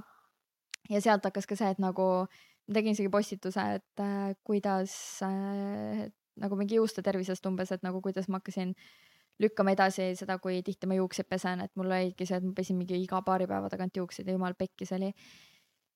et äh, jaa, igasuguseid asju. eksperimente, eksperimente peab elus rohkem tegema. see on üks asi, mis, mis sinuga rääkides ka mulle nagu tuleb kuidagi pähe, see, et Mm. ma ei tee eksperimente piisavalt, vaata, me ei saa ennast mugavustsoonist jah. välja üks ja asi on isegi see mugavustsoon võib-olla jah, võib-olla see ongi seotud, aga teine asi on lihtsalt teha eksperimente, et saada teada üldse, kes Mm. sa oled või mis sulle meeldib või, aga mis on midagi, mis sa näiteks avastasid, mida sa tegid ainult teiste jaoks? mingi riietuse see või mingid asjad või on, on midagi, mida sa, mida, mida no sa oligi näiteks see akna peitmine, meikimine mm, -hmm. sest Mhm. kui ma üksi olin kodus, ma ei teinud seda mm? -hmm. ja noh, kuna nagu oma selle, oma roometiga, oma sellega Oma sellega. et Shout out nagu kui ma vaata sain aru, et teda ka ei huvita või ta isegi ei märganud seda must, siis ma nagu ka temaga ei teinud, siis ma olin mingi, aga miks ma teen seda siis, kui näiteks sõbranna tuleb külla või kui ma lähen poodi, miks ma siis seda teen, onju. ma saan aru, et on koht ja mulle tegelikult väga meeldib meikida ja sellega eksperimenteerida omajagu. aga ikkagi, kui ma nagu tunnen, et mul ei ole vaja seda praegu või nagu ma, mul ei ole aega, miks ma nagu teen seda ikkagi. et äh, see oli kindlasti koht. ja siis äh, oligi näiteks mingi tagasihoidmine, kus ma mingi, ma praegu ei julge oma arvamust avaldada, et see on kindlasti nagu teised ei mõtle samamoodi, vaata, et ma pigem olen tasa ja ma meeldin neile, me saame läbi. et jah, mul on perekonnaga ja ka nagu Roometi perekonnaga kõigiga väga palju nagu konflikte, aga samas ma tunnen ennast õnnelikuma kui kunagi varem ja ma olengi aru saanud, et nagu konfliktid ongi tegelikult nagu normaalsed, inimesed arvavadki erinevad, inimesed ongi erinevad.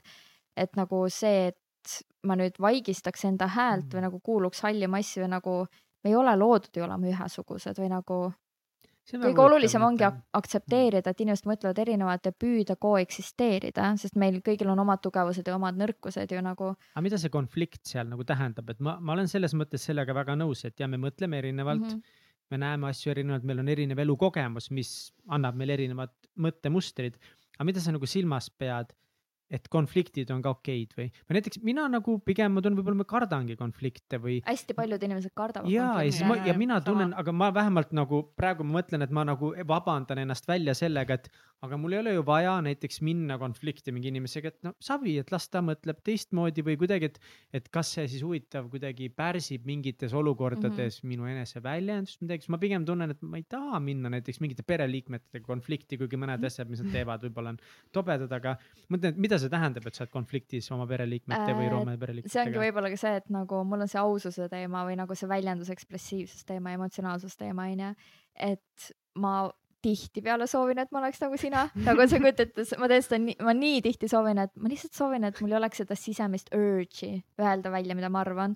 ma lihtsalt soovin, et mul vahepeal oleks see, et nagu hääl oleks mingi, et ma ei nõustu, aga Las jääda- las jääda, ma istun tagaistmele, mul on mingi, ma olen roolis nagu kogu aeg mingi, et ei, mina ja ma nagu tunnen, et kui ma, ma, ma olen proovinud seda olla, nii et ma ei ütle mitte midagi on sul mingi naljakas. näide tuua ka, võib-olla mitte nagu näiteks mingi väga isiklik, aga mõne siuke nagu tobedam näide sellest olukorrast või noh, tobe on võib-olla vale sõna, sest nagu kui sa tunned, et sa tahad seda öelda, siis on nagu fine, aga mm. -hmm. on sul mingeid näiteid ka veits tuua, et kuidas see nagu väljendub? noh, et näiteks nagu jah, et noh, näiteks, et äh, ma olen väga nagu armastan, ma olen väga, väga pikalt armastanud taimset toitumist mm -hmm. ja ma Mhm. eelistan alati taimset. ja näiteks, kui on mingi grillipidu ja ma lähen siin oma vegevorstidega ja te juba naerate mina lähen ka lihtsalt nagu. ah,, okei. Siis nagu lihashoia perekonnas võib tekkida probleeme, onju. aga miks, sellest võib probleem tekkida? kui inimene ise on ebakindel, siis temale meeldib, nagu inimesed tihtipeale tahavad oma ego tõsta teiste arvelt, et nagu ah, sa oled suht hale, ma nüüd olen kõrgem. Mm. tüüpiline pulli käitumisviis onju. ja selliseid on ja kui näiteks ma nagu tean, et minu enda näiteks perekonnaliikmed siuksed ei ole, aga kui on näiteks mingid sõbrad või tuttavad külas onju või mingid muud kuidagi perekonnaga seotud is- isikud, siis on olnud momente, kus näiteks minu enda perekond teab, miks ma teen seda ja kuidas nagu mul suhted sellega on ja nii. ja siis näiteks on mingi, et äh, aa jaa äh,, su plastmassviiner sai ka valmis. nagu näiteks siuke kommentaar. sa ei ma lase olen, sellel ma olen minna nagu mingi, istu tagaistmele, istu tagaistmele, siis ma mingi, ma lihtsalt ei suuda. siis mul on siuke tunne, et ma ütlen, et aa, su antibiootikumid on ka valmis kusjuures. Või nagu ma lihtsalt pean ütlema Oo. vastu, ma lihtsalt pean ütlema vastu, et mingi, ma ei tea, mis iganes, onju, ja siis ja siis ongi mingi, et äh, vähemalt minu omad pole tehtud plastmassist ja siis sealt lähebki vaata. Ja siis ma mingi aa. Ja nagu ja nii edasi onju, et äh, Kas aga oskad ma olen püüdnud sorry, ka niimoodi, et ma nagu ei ütle seda välja, oletame, et mingi teine olukord on olnud, et ma ei ütle välja. ja siis ma kuidagi tunnen, et ma reetsin ennast, nagu mul on tugevalt see tunne, et ma astusin enda piirist üle, kui ma ei öelnud välja. Mhm. et nagu ma kuulan nad sisetunnet, et kas ma tean, et tihtipeale ma ei ütlegi välja, ma olen mingi, et ta on niikuinii mõistav ja nagu siin pole isegi nagu kõik teha. vaatavad, et nagu ärme hakka midagi ütlema ja siis ma nagu saan ka aru, et nagu see ei ole koht, aga vahepeal ma tunnen, et see on koht, sest ma näiteks see hetk nägingi, et see inimene arvab, et tema vorst on päriselt nagu väga tervislik või nagu, et ta arvas, et et on äge nii-öelda või nagu alandada mm -hmm. ja siis ma tundsin, et see on ebaõiglane, vaata ja siis sealt läks see. See ongi väga tobe asi, mida öelda, aga kas sa oskad selles olukorras või, või kuidas teil, kuidas lõpetada see näiteks, et kui, kui mm. sa ütled selle vastu ära, et nagu kuule, antibiootik ja mingid kurvad hormoonid ja mis seal umbes on, ütled selle vastu, tema mingi kohe, ahaa, sina paned vastu. aga ma õnneks, ma ei lähe sinna õnneks sisse, ma selles mõttes, ma ei ole konfliktne inimene, ma satun konflikti. ma satun suure suu pärast konflikti, aga ma olen õnneks hästi sihuke, et nagu good mingi lihtsalt nagu ma olen hästi suur Ahah. unust-, nagu unustaja heas halvas mõttes, aga ma olen ka see, et nagu ma ei pea viha inimeste vastu, et keegi, Mhm. kes ütles mulle halvasti, nagu ma võin järgmine ette ka väga hästi läbi saada. et mul ei ole vihapidamist õnneks ja nagu ma ei ole, ma tunnen, et see säästab mind eelkõige, onju. aga kuna minu eesmärk ei olnud konflikti astuda, mu eesmärk oli ennast kehtestada, et äh, siis nagu ma ei tea, see kaobki lihtsalt minu jaoks ära ja selles mõttes minuga on kerge, et äh, ka perekonnaliikmetega meil on väga palju olnud väga tuliseid vaidlusi. aga järgmine hetk on ikka, et sa istud perekonnaga ühes lauas, Mhm. Te- naerad, ajad juttu, kallistad, et kõik on nagu korras. aga ma lihtsalt vahepeal soovin, et ma suudaks rohkem keelt hammaste taga hoida, aga näiteks ka, miks ma nii palju Instas jagan igasuguseid väga siukseid nii-öelda põletavaid teemasid ja jagan inimestele veits nagu teistsugust pilti, et äh, mis nagu mainstream meedia meile ei jaga, siis äh, ma lihtsalt tunnen, et mul on mingi sisemine tuli, mis peab nagu leegi alla saama või nagu ma tunnen, et ma ei taha kustutada seda tuld. ma tunnen kuidagi, et ma reedan ennast ja ma reedan oma jälgijaid ja teisi, kui ma tean, aga ma ei räägi välja, see on täpselt nagu ma ei tea, kui ma oleks mingi natsi Saksamaal nagu, kas ma olen see inimene, kes on mingi, kas ma saan kuuli või ma lasen teised nagu teistega, teis-, teistele kuuli pähe, onju, et ma ei tahaks olla see, kes laseb teistele kuuli pähe. et kui sa juba tead, et miski on mäda, siis ma ei saa nagu hoida suud kinni, ma tunnen, et minu sisemine elutee võib-olla ongi see elutee, mis nagu sunnib mind seda tegema. Nagu kas sa ei tunne, et kuidagi, et et vahepeal nagu, et kogu aeg sa pead kaitsma ennast nagu, et keegi nagu tulebki See nagu oli- räägib taimsete asjadega onju ja siis sa oled jälle mingi, et ma pean kogu aeg nagu kaitsma enda seisukohti. See oli kusjuures- see oli kusjuures väga värske õppetund mul, kus ma tundsin Instas, et ma pean hästi tihti ennast kaitsma ja nagu ma näen lihtsalt, et inimene isegi ei ole nagu õpivõimeline või ta isegi ei ava nagu enda maailmapilti või oleks see, et ta küsiks mult midagi, aga kohe rünnak onju, et miks teda huvitab. kui talle ei meeldi, ära follow mind või ära tule mu kontole, vaata. Et ma ise ei käi kedagi kommenteerimas või nagu ei lähe kuskile kontole kedagi nagu heitima. aga igal juhul äh, see oli hästi tugev õppetund, et lase minna las ta ütleb ja lase minna ja ma sain aru, et see on väga suur osa sellest, et mind ei tohiks huvitada, mis teised must arvavad, et kui ma lasen minna, siis on hästi. ja seda ma siiamaani veits õpin, et ma olen väga paljudes kohtades suutnud lasta minna, kui keegi midagi ütleb. Et see on väga raske asi, mida teha, eriti kui mul on nagu see vaidlushimu ja see võitlus ja, ja see võidujanu on suur. aga väga paljudel asjadel ma olen lasknud minna. kindlasti võiks rohkem, aga vahepeal lihtsalt on ägedad diskussioonid ja ma saan ise ka näiteks mingit teist poolt mõistma, et nagu kui ma alati laseks minna, et kui keegi kirjutab midagi, mis mulle ei meeldi, ma olen kohe mingi, ma ei hakka vastama, ma lasen minna, siis ma nagu ise ka vaata sule, tekitaksin endale infosulu, onju. Et lahe on näha ka teist poolt. see on väga mm. nagu lahe, et just seda ütlesid, sest ähm, seda, sellest on räägitud ka ja mi- mingil määral ka mina tunnen, et see, et tegelikult see vaidlus ja diskussioon on asi, mida on puudu täna ühiskonnas väga või inimesed mõnes mõttes kardavad vaielda ma hakkan mõtlema, kurat, äkki ma pean ka ikkagi nagu rohkem vaidlema või No mitte nii. nagu, siis ma, ma nagu pigem. nüüd hakkad oma külalistega siin ja ma- podcast'is vaidlema olen, nendega ma olen vaielnud, aa, okei. aga, või tegelikult ei ole ka piisavalt, ei ole ei ole, aga mul ei ole täna sinuga midagi vaielda mm.. veel, oota tõmbame mitte. mingid teemad, oota, mis sul on, ma tean, oota, oota, et see vaktsiinid, ja, ja, ja absoluutselt, ma olen täiega pro-vaccines no vot. aga no selles mõttes nagu ühiskonna elus tänu sellele, ma ei arva, et nagu, et sul on kõiki vaktsiine, mis maailmas olemas on. aga no jesus christ, me oleme elus tänu sellele, et muidu me oleksime kõik surnud juba. igatahes, aga ma tahtsin eelmise mõtte lõpuks, ma tahtsin tegelikult seda öelda, et et äh, vaat sina ütlesid ka, et sulle meeldivad vaidlused, sest sa, see mõnikord rikastab.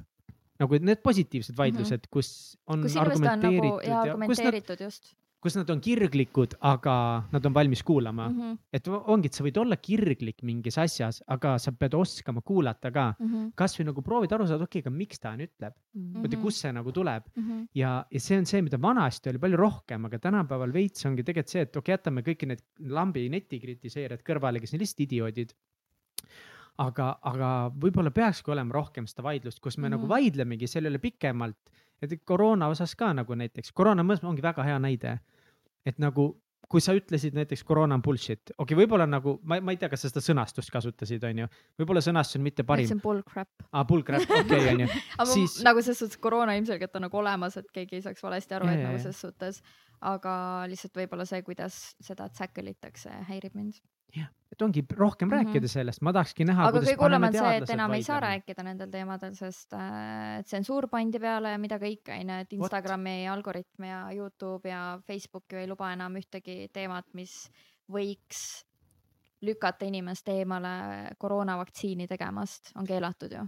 Mis on jällegi, see on ka hästi nagu libe tee, kuhu minna mõnes mõttes äh, näiteks äh, väga noh, jällegi läheme teise teemale, aga see äh, presidendivalimised Ameerikas mm -hmm. on ju jube hea näide, kus kus on Donald Trumpi lihtsalt pandigi tsensuur tema sõnadele peale, kujutate mm. -hmm. ette maailmat, kus me oleme sellises ühiskonnas, kus Donald Trumpil on neli Twitteri postitust järjest, mis on kõik ära nagu kinni mm. -hmm. pandud selles mõttes, et see postitus võib sisaldada ekslikut informatsiooni, siis sa pead mm. -hmm. vajutama nupule, et jah, ma tahan seda lugeda. Sest ongi see, et kas sa seal lased siis presidendil minna sõnavabadusega, aga samas ta räägib miljonitele inimestele mm Mhm. -hmm. laus faktivalet ja need mm Mhm. -hmm. faktivaled panevad inimesi käituma vägivaldselt mm. halvasti, sest keegi ei tee diskussiooni, vaid nad võtavad seda no face value't mm, Mhm. -hmm. aa ta ütles, nii on tõsi, onju. Mhm. et seal ma see nagu on ütleks, nii, et ma arvan, et me, me oleme ühiskonnaga Oh, praegu seal, kus mingisugune raske. probleem on tekkinud ja me ei ole veel välja suutnud mõelda, kuidas käituda, sest tegelikult nagu tsensuur ei ole ka vaata õige, et avatakse ainult on ühte osapoolt, onju. sest nagu maailmas ei ole ühtset tõde, meil kõigil on perception nagu mitte mingit mm Mhm. -hmm. tõde ei olegi, nagu igaüks näeb kõike erinevalt. et see ongi, see on minu jaoks ka väga suur küsimus, et nagu mis on tegelikult parem, kas tsensuur on parem või pigem mitte, sest nagu jah, need äh, vale, valeuudised ja kõik asjad ja what so not, aga noh, ütleme nii, et mingisugused äh, nagu näiteks minust on tehtud väga palju valeuudiseid, aga keegi seda ei tsen- tsenseeri, tsensuuri, tsen-, tsenseeri vist Mhm, ei vist, ma ei tea. pigem jah. ei et see on väga raske ja, ja selle üle peakski arutama rohkem. Et kus me tõmbame Mm. selle joone, see on ülioluline see on demokraatia, sõnavabaduse piiramine, aga samas sest näiteks kui WHO räägib on koroonast mõned- ühte asja, aga mõni näiteks on, mõni teadlane räägib vastu, siis ma ei tea, kui teadlane lastakse lahti, sellepärast et äkki see inimesi nagu õhutab teistmoodi käituma, siis kas see on tsensuur või ei ole, onju, et mm Mhm. -hmm. nagu kõlab nagu oleks. et see on oh,, see on nii keerukas ja, sest me kokkuvõttes ei tea üldse, mis on tõde, me ei tea, kas me üldse Jah. teame midagi maailmas tegelikult, sest no me mingeid asju ikka teame, gravitatsiooni teame näiteks. Äkki see on, okei, see oli nali. võime aga nagu aga me teame aga nagu igasuguseid asju on. tegelikult nagu, mis on ka tagantjärgi ju välja tulnud Jaa. te olete arvatavasti ka kuulnud, kuidas äh, CIA-l on mingid sala mingid asjad olnud, kuidas Mhm. nad on meediat mõjutanud. Muidugi, täiega, nagu igasuguseid asju, vaata, et kokkuvõttes ongi see, et appi, mis on tõde, onju, et seepärast ongi see avatud meel, et, et nagu tõde ei olegi mm, -hmm. vaid Mhm. on perception ja miks ma ka lihtsalt ei vaata meediat, sest ma ei taha olla mõjutatud mingist arvamusest mm. -hmm. vaid ma tahan mõelda oma peaga ja nagu muidugi ma ikkagi satun mingeid asju lugema, onju. ja vahepeal mul on ka see, et kas ma peaksin üldse mm -hmm. ka Mhm. neid asju lugema, et äkki ma ei peaks üldse midagi teadma, äkki nii on kõige kergem, nagu igasuguseid küsimusi tekib, et ma arvan, et see on nagu vähemalt tervislik, et sul tekivad küsimused. küsimused on tervislikud ja Jah. see on mõistlik. Aga noh, ja ongi seda jällegi me oleme enne ka rääkinud, et sotsiaalmeedia teine suur probleem on see, et kui sa võtad seisukoha, siis sotsiaalmeedia söödab sinu seisukohta.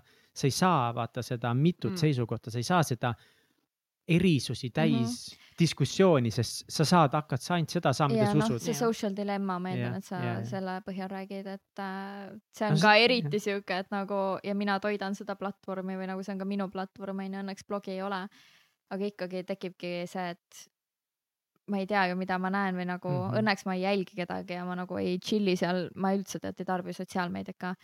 et äh, ma lihtsalt kasutan seda, et enda mingit asja välja anda või nagu enda poolt anda välja ja inimesi nagu inspireerida. mina tahan öelda, et sina oled hea sotsiaalmeedia kasutaja. me oleme siin kellegi issand mingi Hensu Kusta episoodis, ma vist, mul tuli mingi viieminutine ränd Instagramist, mul oli mingi raske hetk ja siis ma lihtsalt olin niimoodi, et noh, noorus on perses, kõik on läbi, enesed, noh, meil surm, ma olin, noh, ma läksin sügavasse auku viieks minutiks. aga vähemalt kukkusid läbi sealt. ja ma kukkusin läbi sealt ja, aga ma arvan, et sa kasutad ikkagi Instagrami hästi, ma niisama ei räägi seda pugeda sulle Mm, seda, okei, vaid eh, lahe. sa ikkagi, ma arvan, et sa kasutad päris hästi Instagrami, sest noh, me oleme nii palju rääkinud seda, me võib-olla ei hakkagi täna nii pikalt seda rääkima, et see Instagram on kohutav koht, mm. samast võib-olla suurepärane tööriist, eks ole. yeah.. et ja ma usun, et me ühiskonnana õpime sotsiaalmeediat kasutama paarikümne aastaga, Mm -hmm. aga see noh, et asjade kohta me ei tea vaata midagi, ma noh, kahjuks ongi nii, et nagu aeg ainult näitab, et mm -hmm. väga palju asju me lihtsalt ajapikku me nagu saame teada. mm. -hmm. nii hullud tahaks, et me teame alati nagu Täpselt kõike nagu- täna, aga Mhm. tegelikult teadus tuleb välja ka selle kvantitatiivse Mhm. uurimustöö põhjal meil lõpuks tulevad mingid tõed, okei okay,, kui Mhm. me sada aastat oleme nagu suht sama nagu tulemuse saanud, noh, siis me peame võtma vastu, et see on tõde, sest muidu me, no iga inimene ei pea võtma, aga ühiskonnana me peame leppima mingites tõdedes, sest muidu me ei suuda edasi liikuda. ja sest äh, nagu sotsiaalmeedia arvestades meie ajalugu on nagu nii uus asi onju, et see on ainult paar aastat tegelikult see sotsiaalmeedia ajastu. aga kui me võtamegi näiteks antibiootikumid, kui nad tulid välja, kõik olid mingi oh my god, ühiskond on, inimkond on päästetud nagu, meil on nüüd kõik bakterid, kõik davai, tšau, pakaa onju, et meil Mhm. ei ole midagi enam vaja ja inimesed arvasid, et reaalselt nagu ka soolebakterid ja kõik nagu nii-öelda head bakterid on nagu nad ei teadnud, et neil on isegi mingi eesmärk, kui neid tapame kõik maha ja siis me oleme mingi oota, midagi nagu enam ei toimi, Mhm. onju. ja me kasvasime ka üles ju ajal, kus iga asjaga anti antibiootise, nagu ma mäletan, ükskõik mis haigus ja Mhm. värgid olid, kogu aeg olid antibiootikumid peal. minul Siis õnneks nii väga ja, see ja, ja et ja- nagu kõik siuksed asjad ja nagu nüüd me teame, et antibiootikum võiks olla nagu, nagu the last resort, et nagu kui sul on reaalselt mingi väga mingi killer paag või mis iganes ja kõige hullem ongi see, et meil ongi nüüd antibiootikumide vastu mingi resistentsus onju ja ka loomadel, et me nagu ei suuda loomadele anda nagu nende, nende haigused ka ei ole enam antibiootikumidega ravitavad, sest neid söödeti kogu aeg sisse onju. meil on nagu Mhm. seal probleeme, nüüd oleme meie antibiootikumide resistentsed just hiljuti, kusjuures mulle kirjutati ka Euroopa mingisugune ravimi mingi teema, põhimõtteliselt nagu USA CDC onju ähm,. USA Central Disease Mhm, Control mhm. ehk siis nagu aga see Euroopa variant yeah. kirjutas mulle, et nad tahavad teha nagu teavitustööd, et antibiootikumid ei tohiks olla esmavalik ja kuidas antibiootikumide resistentsus, mis see nagu tähendab, kuidas see välja tuleb ja kõik, et nagu olin mingi vau wow,, päris äge, et siukse, siukseid kampaaniaid tehakse nagu üle Euroopa tegelikult mm Mhm. -hmm. ja minuga võeti ka ühendust. ja siis nagu ma mõtlesingi, et sel hetkel ma just mõtlesin, et nii huvitav, et kunagi oleks olnud just see, see kampaania vaata, et antibiootikumid kõigile. et kui me võtame kasvõi minu põhiteema on see DDT on ju, mis äh, USA-s, see on nüüd äh, väga bännitud äh, pestitsiid, mida USA-s äh, pritsiti toidu peale, Mhm. naistele seelikute alla, et tapab kõik nagu haigused, bakterid, värgid onju, seda pritsiti igale poole, nagu sa võisid supelda selles põhimõtteliselt. ja tehti lastele kampaaniaid DDT is good for me, kus lapsed laulavad ja tantsivad ja nagu äh, mingisugused teadlased, arstid tegid äh, reklaame, kus nad nagu sõid seda müsliga sisse ja värki mm, -hmm. Mhm. et näe, ma olen elus, midagi ei juhtu.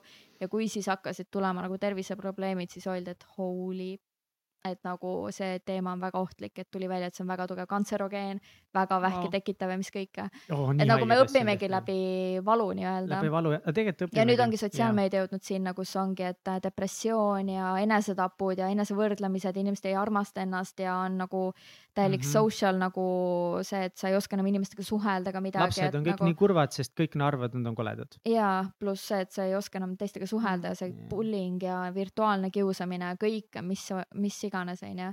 ja täpselt sama, ma arvan, et on ka koroonaga, et kohe hüppasime nagu pea ees vette, et davai, kõik see ja see ja teeme niimoodi, et äh, ma arvan, et ka mingi hetk jõuab see, et nagu ma ei saa midagi öelda, ma ei tea mitte midagi nagu tõde, kes teab, mis on tõde, onju. Aga ma arvan, mingi hetk me lihtsalt õpime sellega elama, et nagu oligi üks järjekordne mm -hmm. viirus lihtsalt ja kindlasti mingid meetmed, kuidas seda kontrolli all hoida, mida iganes, onju aga lihtsalt damage on done, et ma tean nii palju, kui nagu nii paljud inimesed äh, vaevlevad praegu vaesuses, nad ei suuda enam nagu oma maja laenu maksta, jäävad kodudest ilma, nende ärid läksid pankrotti ja kui palju nagu tõusis depressioon, isoleeritus mm, -hmm, kui paljud mm. -hmm. inimesed surid üksinda, kui paljud ei saanud piisavalt nagu meditsiinilist järelevalvet see hetk, kui nagu kõik asjad olid kinni ja ainult koroonahaiged võeti vastu, onju. kui paljud inimesed liikusid vähe, sõid sitta sellepärast, onju, sorry, sõid halvasti mm. -hmm. halba toitu kasutan seda sõna liiga kergelt, ma püüan seda natukene endal välja nii-öelda harjutada, Mhm. aga et nagu alati minnakse pea ees, et nagu see teeb ühte asja, aga Jaa. vaatamata suurt pilti. see on inimestele omane, ma arvan, et sellest on äh, jah, see ongi, see on hea, et sa sellest räägid ja et me peamegi sellest rohkem Mm. rääkima, et võtta rahulikumalt õppida. aga nagu sa ütlesid, et nagu lõpuks me õpime ainult ajaga, et sotsiaalmeediaga samamoodi me lõpime ajapikku, me õpime seda kasutama Mhm. paremini mm, -hmm. sest noh, tõesti, see tuli eile mm. -hmm. ja alles homme me nagu saame paremini aru, kuidas mm. -hmm. nagu teha nii, et me oleme tervislikud sellest Jaa, välja tulles sest noh, praegu alles käib ka see ju, kus äh, küsitletaksegi, et nagu kuidas päriselt meie andmeid kasutatakse, kõik see vaata hakkas ka ju pihta alles nüüd, et andmetöötlus, mingisugused piirangud ja värgid, et sa ei tohi kõiki inimese kohta küsida ja teada mm Mhm. -hmm. ja kui palju sa võid salvestada infot, et nagu alles nüüd tegelikult seadused jõuavad ka järgi, alles nüüd tuli ju Eestisse ka see, kus mm -hmm. sa Mhm. pead märkima koostöö või sponsored või mis iganes onju reklaam. et enne seda ei olnud ka midagi seda, et nagu lihtsalt seadus ei jõua, tehnoloogia areneb nii kiiresti, et tegelikult nagu inimesed ise ei jõua isegi järgi seadusandlus ka eriti veel jah. Crazy world. Crazy world. kuule sõbrakesed, me peame hakkama otsi vaikselt kokku tõmbama. ei ei taha onju, ma ka ei taha. aga sul on varsti uneaeg, Mihkel, nii et. ma täna, ma olen Täna- valmis, ma olen valmis. täna reede õhtu ma kohe olen toores täna reede küte valmis olema, sest nagu me on siin, Jah. me ei ole vaidlema jõudnud hakata veel, me ei ole veel vaidlema hakanud. äkki jätame selle part kaheks, aga ma veel enne kui ma lähen välkküsimuste juurde, siis ma võib-olla lõpuküsimus ütleks, et millised on sinu võib-olla kõige suuremad siuksed ongi ahaa eh, momendid olnudki nagu läbi aegade, mis sa arvad, on kõige rohkem sinu elu mõjutanud? number üks, see, kui ma hakkasin uurima toitumise kohta, ma olin mingi ahaa, mida ma terve elu teinud olen, kas ma üldse olen söönud päris toitu. siis äh, teiseks oli kindlasti vaimne maailm, et ahaa, kõik ei ole juhuslik ja nagu siin maailmas on midagi rohkemat kui see, mida ma võib-olla silmaga kogen, onju. Siis äh, kolmandaks oli enesearmastus, mis see päriselt tähendab, sest ma olin kakskümmend ja ma arvasin, ma ma armastan ennast, sest ma olin kõhn, ma arvasin, et nagu davai, kuna mulle meeldib, mis ma peeglist näen, siis ma, ma ju ilmselgelt armastan ennast, onju.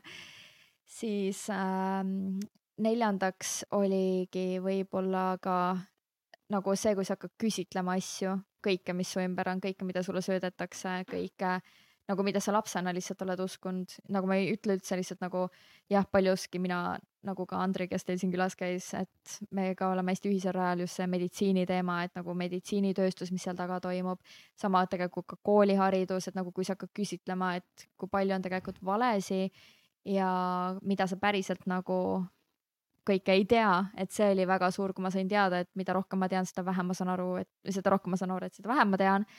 et see oli kindlasti üks koht. Ja kui ma sain aru, mida võib-olla tähendab päriselt armastus, siis see oli ka väga suur ahhaa-koht, ma arvan, Mm, et äh, jah, ma arvan, et armastus põhimõtteliselt tähendabki seda, kui sa saad aru, et sa oled teise inimesega üks. et see ei pruugi olla üldse nagu, see ei pruugi olla sama ka loomadega näiteks, kui sa saad aru, et sa oled loomadega üks või kui sa saad aru, et sa oled loodusega üks, et mida ma teen loodusele, kuidas ma temaga käitun, kas ma päriselt armastan loodust. Ja samamoodi oma kaaslase kõigega, et äh, et ma arvan, et oneness ongi nagu armastus. Vau, vau. okei, mul on üks küsimus veel.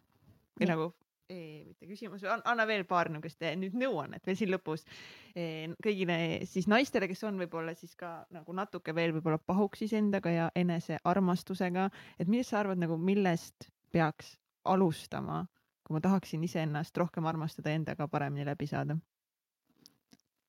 uh,. ma arvan, et äh, ma arvan, et sa peaksid enne kõige esimese asjana, mis minu puhul oli vähemalt aru saama, kes sa päriselt oled, nagu hakkama neid maske maha koorima ja päriselt nagu dive deep, et kes sa päriselt oled, mis sa olla tahad. kuidas, kuidas seda hakata tegema siis? Äh, esiteks võtad riidest lahti ega tegelikult näiteks üks asi, mis me just Kristeliga raadios rääkisime, oli see, et äh, et isegi kui sa arvad, et sa ei ole seal kohal, kui sa piisavalt palju sisendad endale, et sa oled seal kohas, hakkad nagu oli aknaga, et ma piisavalt palju sis sisendasin endale, et ma usun, et mul on nahk terve, siis ta oligi lõpuks terve. et see on klišee, aga mine päriselt peegli ette ja esimese korda ajab see sind nutma, kui sa ütled endale, ma armastan ennast sellisena, nagu ma olen. kui sa ei armasta ennast, see ajab sind nutma, sest on valus kuulda ja sisenda seda iga päev, iga kord, kui sa näed peeglit, sa ei pea ütlema seda väl, päriselt valjult välja või näiteks mul oli see, et ma tegin trenni kui ma tundsin, et nagu oh, ma võrdlen ennast teiste naistega, et jälle ma vaatan, et ma tean, et see inimene ei tee kunagi trenni, aga nüüd ta on mingi hullu, et ta on lihtsalt nagu hullult kõhn ja ma tahaks ka olla. siis oli mingi, ah oh, lõpeta, ma armastan ennast sellisena, nagu ma olen, ma armastan ennast sellisena, nagu ma olen, nagu mantrat. Et äh, The Biology Belief of Belief rääkis ka sellest, et kui sa piisavalt palju usud, siis sa muudad ise oma keemiat ja kõik oma energeetilist nagu vibe'i, et me olemegi ju ainult energia, et kõige kergem on sealt alustada, ma arvan. väga hea, super. Nonii, kas me nüüd lähme no, veel küsimuste juurde, mida me küsime siis meie kõigi saatekülaliste käest. Mihkel, sinu esimene küsimus saab alguse nüüd. Nii, kas sul on olulisi rutiine või harjumusi, mida sa teed igapäevaselt või iganädalaselt? ma käin trennis, toitun tervislikult ähm,. ma vajan kogu aeg kallistusi, musisi ja lähedust aga need ongi minu rutiinid selles mõttes, et need toimuvad iga päev ja nagu lihtsalt tulevad iseenesest. hea uni on alati minu rutiin ja kohv. kohv on väga tugev rutiin, aga muidu besides that nagu ma kuidagi lasen lihtsalt elul voolata, ma tean, et ma kunagi olin see, et davai, et mingi kellaaeg ma teen seda või ärkan mingi kindel kell või lähen magama, aga kuigi palju lihtsam on elu elada sisetunde järgi ja ma teen kõike sisetunde järgi, et ma ei taha, et mul oleks mingeid kindlaid reegleid elus või kindlaid kellaaegu või mis iganes. et mu rutiin on see, et ma teen lihtsalt asju, mis mulle meeldivad ja järjepidevalt.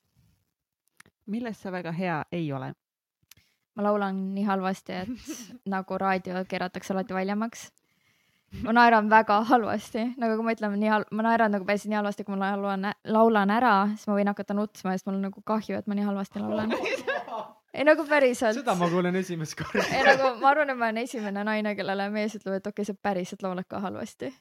aga igal juhul äh, ma tegelen sellega. milles ma üldse hea ei ole, on äh, valetamine. Ma ei oska valetada ja see teeb mulle füüsiliselt haiget äh,. seepärast ongi nagu see, et ma räägin alati ka tõtt nagu olen vastikult aus. ma ei oska, päriselt ma ei oska, keegi ütleb nagu, et lihtsalt ütle talle, et sulle maitses see toit, ma mingi. no can do äh,. kuidas toit maitses ähm,? üldse ei maitse, ma lihtsalt, ma ei suuda yeah., ma ei suuda mm, -hmm. ma ei suuda valetada. ja siis, milles ma veel hea ei ole mm,. ma ei oska tuule käes hingata, ma olen hästi halb õues hingaja, kui tuul puhub, siis mul jääb siis mul tekib plokk ja ma ei saa hingata, nagu see ei ole naljakas, see on päris tõsine, sest kui on natukene tormituuled, ma pean alati olema niimoodi, ma ei saa hingata, kui tuul puhub ninna, mul tekib plokk ninna. jaa. Vau, selles mõttes sa ei saa kõndida ju. ei saa, ma kõnnin selge ees, kui on tuul ei päriselt ma kõnnin või siis nagu kaaslane kõnnib ees, nagu ta teab, kui tuul tuleb, siis ta astub mulle ette ja siis ma saan nagu ta taga kõndida ja hingata. see on üks wow. kõige huvitavamaid vastuseid, mida meile kolme aasta jooksul antud on. üheksakümne kolmas episood, see on mu lemmikasi. ausalt, nüüd ma olen aus okay. enne ma ainult valetasin äh,. mis on, mille üle sa oled kõige uhkem oma elus äh,? ma arvan, et äh, selle muutuse üle, mida ma olen suutnud Eestis luua, ma arvan, et ma olen suutnud Eestit muua, muua, muuta mis on kõige pöörasem asi, mis sa elus teinud oled ja kas sa teeksid seda uuesti? Ma arvan, et on palju pööraseid asju, mis ma teinud olen, aga samas ma arvan, et nad pole piisavalt pöörased, et nad mul meeles oleksid ähm,. Hmm, hmm. nii raske on midagi tuua, ma arvan, ma teeksin, ei, issand, ma ei tea. Vau, you caught me on point, nagu ma ei oskagi öelda. mul on kehv mälu, nii et mul on väga raske midagi välja nagu tuua ka nagu õnneks ma ei ole ekstreemspordi inimene, ma pole kuskilt alla hüpanud või midagi siukest hullu teinud, ma nagu, ma ronisin seal, kus see nüüd, ah oh,, mis selle nimi oligi, see mm, tuul, tuul, tuuletorn või? Jah, oli või? tuuletorn, see uus, mis ehitati, seal on äh, see ronimissein ka Eesti, Eesti kõige kõrgem, Baltimaade kõige kõrgem ronimissein ma ei tea, ma isegi ei tea. kohe fast check'in. aga see võib ka olla, see, see ei pea olema nagu ekstreem, mis sinu enda jaoks nagu sinu mõõtmetes pöörane? jaa, ma proovingi välja mõelda, mul nagu oh ma arvan, et kõige pöörasem oligi tegelikult see, et ma otsustasin minna keset õpinguid Austraaliasse ja mitte tagasi tulla ja pöörata oma elu lihtsalt pea peale, ma jäin kõigest ilma, mis mul oli põhimõtteliselt ja kõik plaanid, mis mul olid, läksid luhta selles mõttes. jep, tuuletorn oli see by the way. tuuletorn. et nagu ma selles mõttes ei ole ekstreemne inimene, ma ronisin sinna otsa, aga ma alla ei julgenud lasta ennast. nagu see hüppehirm on mul liiga suur, nii et ma ronisin alla ka veel ma ütlesin, et pole kedagi näinud nagu alla ronimas niimoodi, aga okei okay. aga igal juhul ähm, jah, ma arvan, et see, et ma suutsin öelda head aega oma ette nähtud tulevikule nii-öelda, mis ma olin peas ette kujutanud mm.. ja ma teeksin seda kümme korda uuesti. mis on edu võti? eduvõti on olla õnnelik, seda ma räägin kõigile noortele, kellel ma käin. ma usun, et meil ei ole, me ei ole loodud tegema, me oleme loodud olema, me oleme inimolendid, mitte inimtegelased, tegijad või mis iganes, et äh, ma ütlen seda kogu aeg, et me oleme loodud lihtsalt olema. kui te suudate leida endale koha, kus teile meeldib olla, te ei pea otseselt, te võite olla isegi töötu, kui teile meeldib olla töötu ja te suudate ära elada nii, et te olete õnnelik, siis see on edu võti, te olete edukas. sest ma usun, et äh, edu võti on see, kui te lähete äh, nagu astute surma mõttega, et te olete elanud ja te olete õnnelik sest kõige edukamad inimesed on väga õnnetud ja ma arvan, et nad ei ole edukad selles mõttes nagu karjääri mõttes edukad inimesed mm. -hmm. skaalal ühest kümneni, kui veider sa oled? kümme. mõni ütleb isegi kaksteist, nagu reaalselt ütlevad, et nad nagu, et sa väga veider, nagu isegi halvasti veider. ma arvan, ma olen hästi veider, nagu heaga veider. ma arvan ka muidugi. ütleme sulle kümme, kui selle su naeru ära kuuleks, siis teaks, kas nagu keerata juurde või mitte aga see jääbki nagu niimoodi saladuseks, müstiliseks. ma arvan, et seda, seda, seda huumorit tajub ainult mu kaaslane, sest tema ajab mind nagu nii rõvedalt naerma, sest meil on väga veider huumor. super. kas sul on eh, lemmiktsitaat? mul oli väga, issand, mul on olnud muidugi kurat, ma ei mäleta, ma pole ammu kasutanud tsitaate niimoodi ähm,. tahaks selle võlgu jääda, mul on, mul on väga, aga mul ei tule niimoodi Super, kohe. jää hea meile võlgu, kusjuures see on täiega hea asi, no kui sa tunned, et sa oled meile võlgu kuidagi, see mulle see pidi hea olema. ja viimane küsimus. Katrin, äkki küsid selle küsimuse, mitte ei vaata mul selle kitse silmadega mm -hmm. otsa ma nüüd mõtlengi, et ma noh, kas on nüüd nagu siin vale küsimus alustada sellega, et eh, kas sa, kas sa loed raamatuid sest ma tean, et sa loed väga palju raamatuid. millised on olnud eh, sinu mingid lemmikraamatud, mis on sinu elu muutnud ja, ja kui palju sa üldse nagu tegelikult tänasel päeval loed raamatuid, ma tean, et sa loed, aga kui palju äh,? mulle, ma alustasin lugemisega nagu füüsiliste raamatute lugemisega, aga siis ma avastasin audiobookid ja et ma saan trennis lugeda raamatuid ja autosõidul ja bussisõidul ja kõike nii et siis ma läksin nendele üle, aga Eckart Tolle on üks mu nagu, ma lihtsalt nagu nii armastan, kuidas ta kirjutab, ma olen lugenud mitu korda ta raamatuid läbi. siis äh, Loving What Is on väga hea raamat, mis äh, õpetab sind no, aktsepteerima asju, mis on nagu, mida sa ei saa elus muuta. Mm, -hmm. et nagu kuidas teha rahu kõikide olukordadega, ükskõik kui halb keegi on olnud su suhtes, kuidas teha rahu sellega. ja see on vaata hästi paljusid tegelikult ju jääb nagu see äng jääb sisse, et mulle tehti liiga. Ja see raamat nagu õpetab, kuidas sellest lahti lasta. Ja see on kõige ägedam, et ta teeb seda läbi peegelpildi. sa näed iseendasse, sa näed, kuidas sa ise tegid endale liiga. Ma olen seda raadios ka, kusjuures tegime Kristeliga seda teraapiat läbi, seal on nagu ka teraapia teema selle kohta siis äh, mulle meeldib väga, mis, mida ma olen ka juba mitu korda lugenud, on äh, äh, oh, mina ja mu nimed.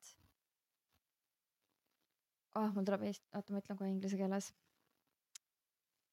kohe ütlen. mul on praegu see raamat ka veel kasutuses, sest äh, me kaaslasega teeme seda ah,. enne seda ma ütlen ka veel Untethered Soul on väga ilus raamat ka nagu see, kuidas lasta emotsioonidest lahti ja nagu mm, lihtsalt otsa. olla, et minu jaoks on see olemise kunst on tegelikult väga raske asi, et inimesed ei oska tegelikult enam tänapäeval lihtsalt olla aga.... sul on äh, blogipostitus ka kümme raamatut, mis muutsid su elu mm, -hmm. me mhm. paneme selle pärast äh, show notes idesse ka mm. -hmm. Uh, Getting to love you want on uh,, ma arvasin alguses, et see, et see räägib mm -hmm. lihtsalt mingi, kuidas leida endale mm -hmm. ideaalne mees, onju kaugel sellest, see on nii sügav raamat ja see õpetab kõige rohkem sul iseenda kohta.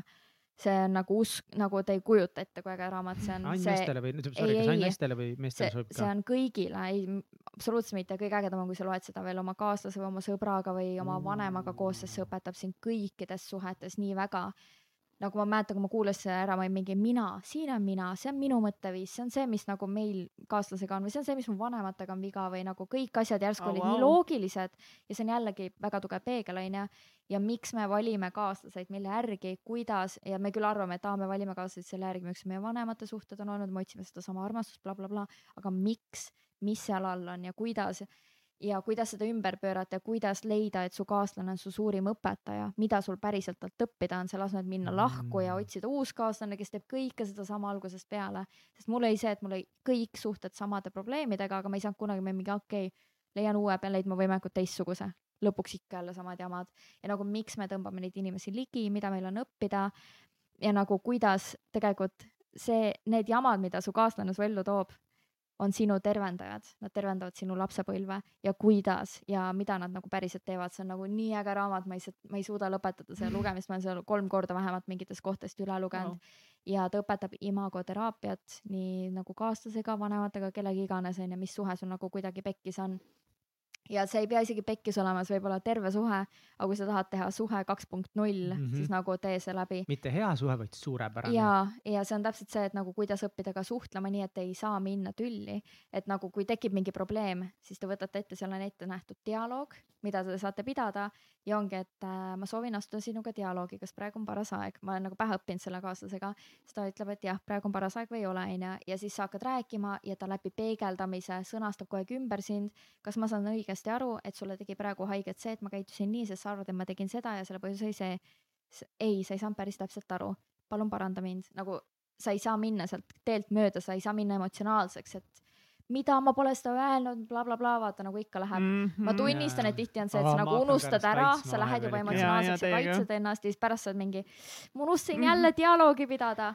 Kas me saame uuesti rääkida kõik selle läbi dialoogi ja kohe on lahendus käes, nagu sa ei lähe isegi tülli, kohe on lahendus käes, see on nii äge. ma kukun ennast nii palju kaitsma. sama, mul on sama hästi see, sama. ma hakkan kaitsma Mm. ennast, sest ma näen kuidagi, et ei, see ei ole õiglane ikka, see ei ole õiglane, ei, see ei olnud õiglane nagu. ja ma ei, ikka ei olnud ja õiglane. enamjaolt tuleb lihtsalt selleni, et te mõistsite mingit asja erinevalt ja see õpetab sind mõis-, mõistma. aitäh sulle selle soovituse eest.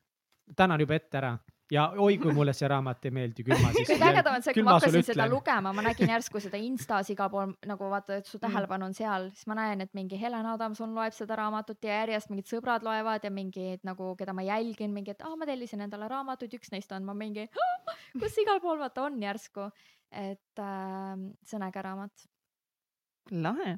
nii, nüüd eh, meil on kingituseks sulle ka üks raamat, sa saad valida siit Oh God. äkki sa ei ole midagi veel siit veel lugenud, siis eh, vaatame kohe, loodetavasti. nii, Nii, meil on Million Mindset kirjanduse poolt siis. Kirjanduse. kirjandus, kirja, vabalt võib kirjandus olla, no miks mitte. siin on esimene siuke huvitav raamat nagu mõistujutt eh, toru juhtimisest, kuidas ehitada endale tänapäeva majandustingimustes püsisissetulekut toot-, tootev torujuhe. nii, siis on eh, tulemuslikkuse Best kunst pealkiri ever on sinu konkurentsieelistamist uus raamat ja ma esimest korda loen seda Mhm, see on uus. pealkirja ja nii, siis on eh, klassika John Maxwelli viisteist hindamatut kasvuseadust ja siis eh, on Keith Ferrazzi Ei ühtki einet üksi ja teisi nippe suhte loomise abil edu saavutada Vau, wow.. ja viimased kaks huvitavad mind kõige enam, ma Mhm. mõtlen. mulle meeldib eneseareng ja mulle meeldivad kõik suhteteemad ka. Kas ma pean selle siin äh, podcast'i hetkel Jaa, jaa, välja sul on umbes viis sekundit aega. sa pead ilma sisetunde järgi. oh my god, siin on äh, aitab arendada sotsiaalseid oskusi.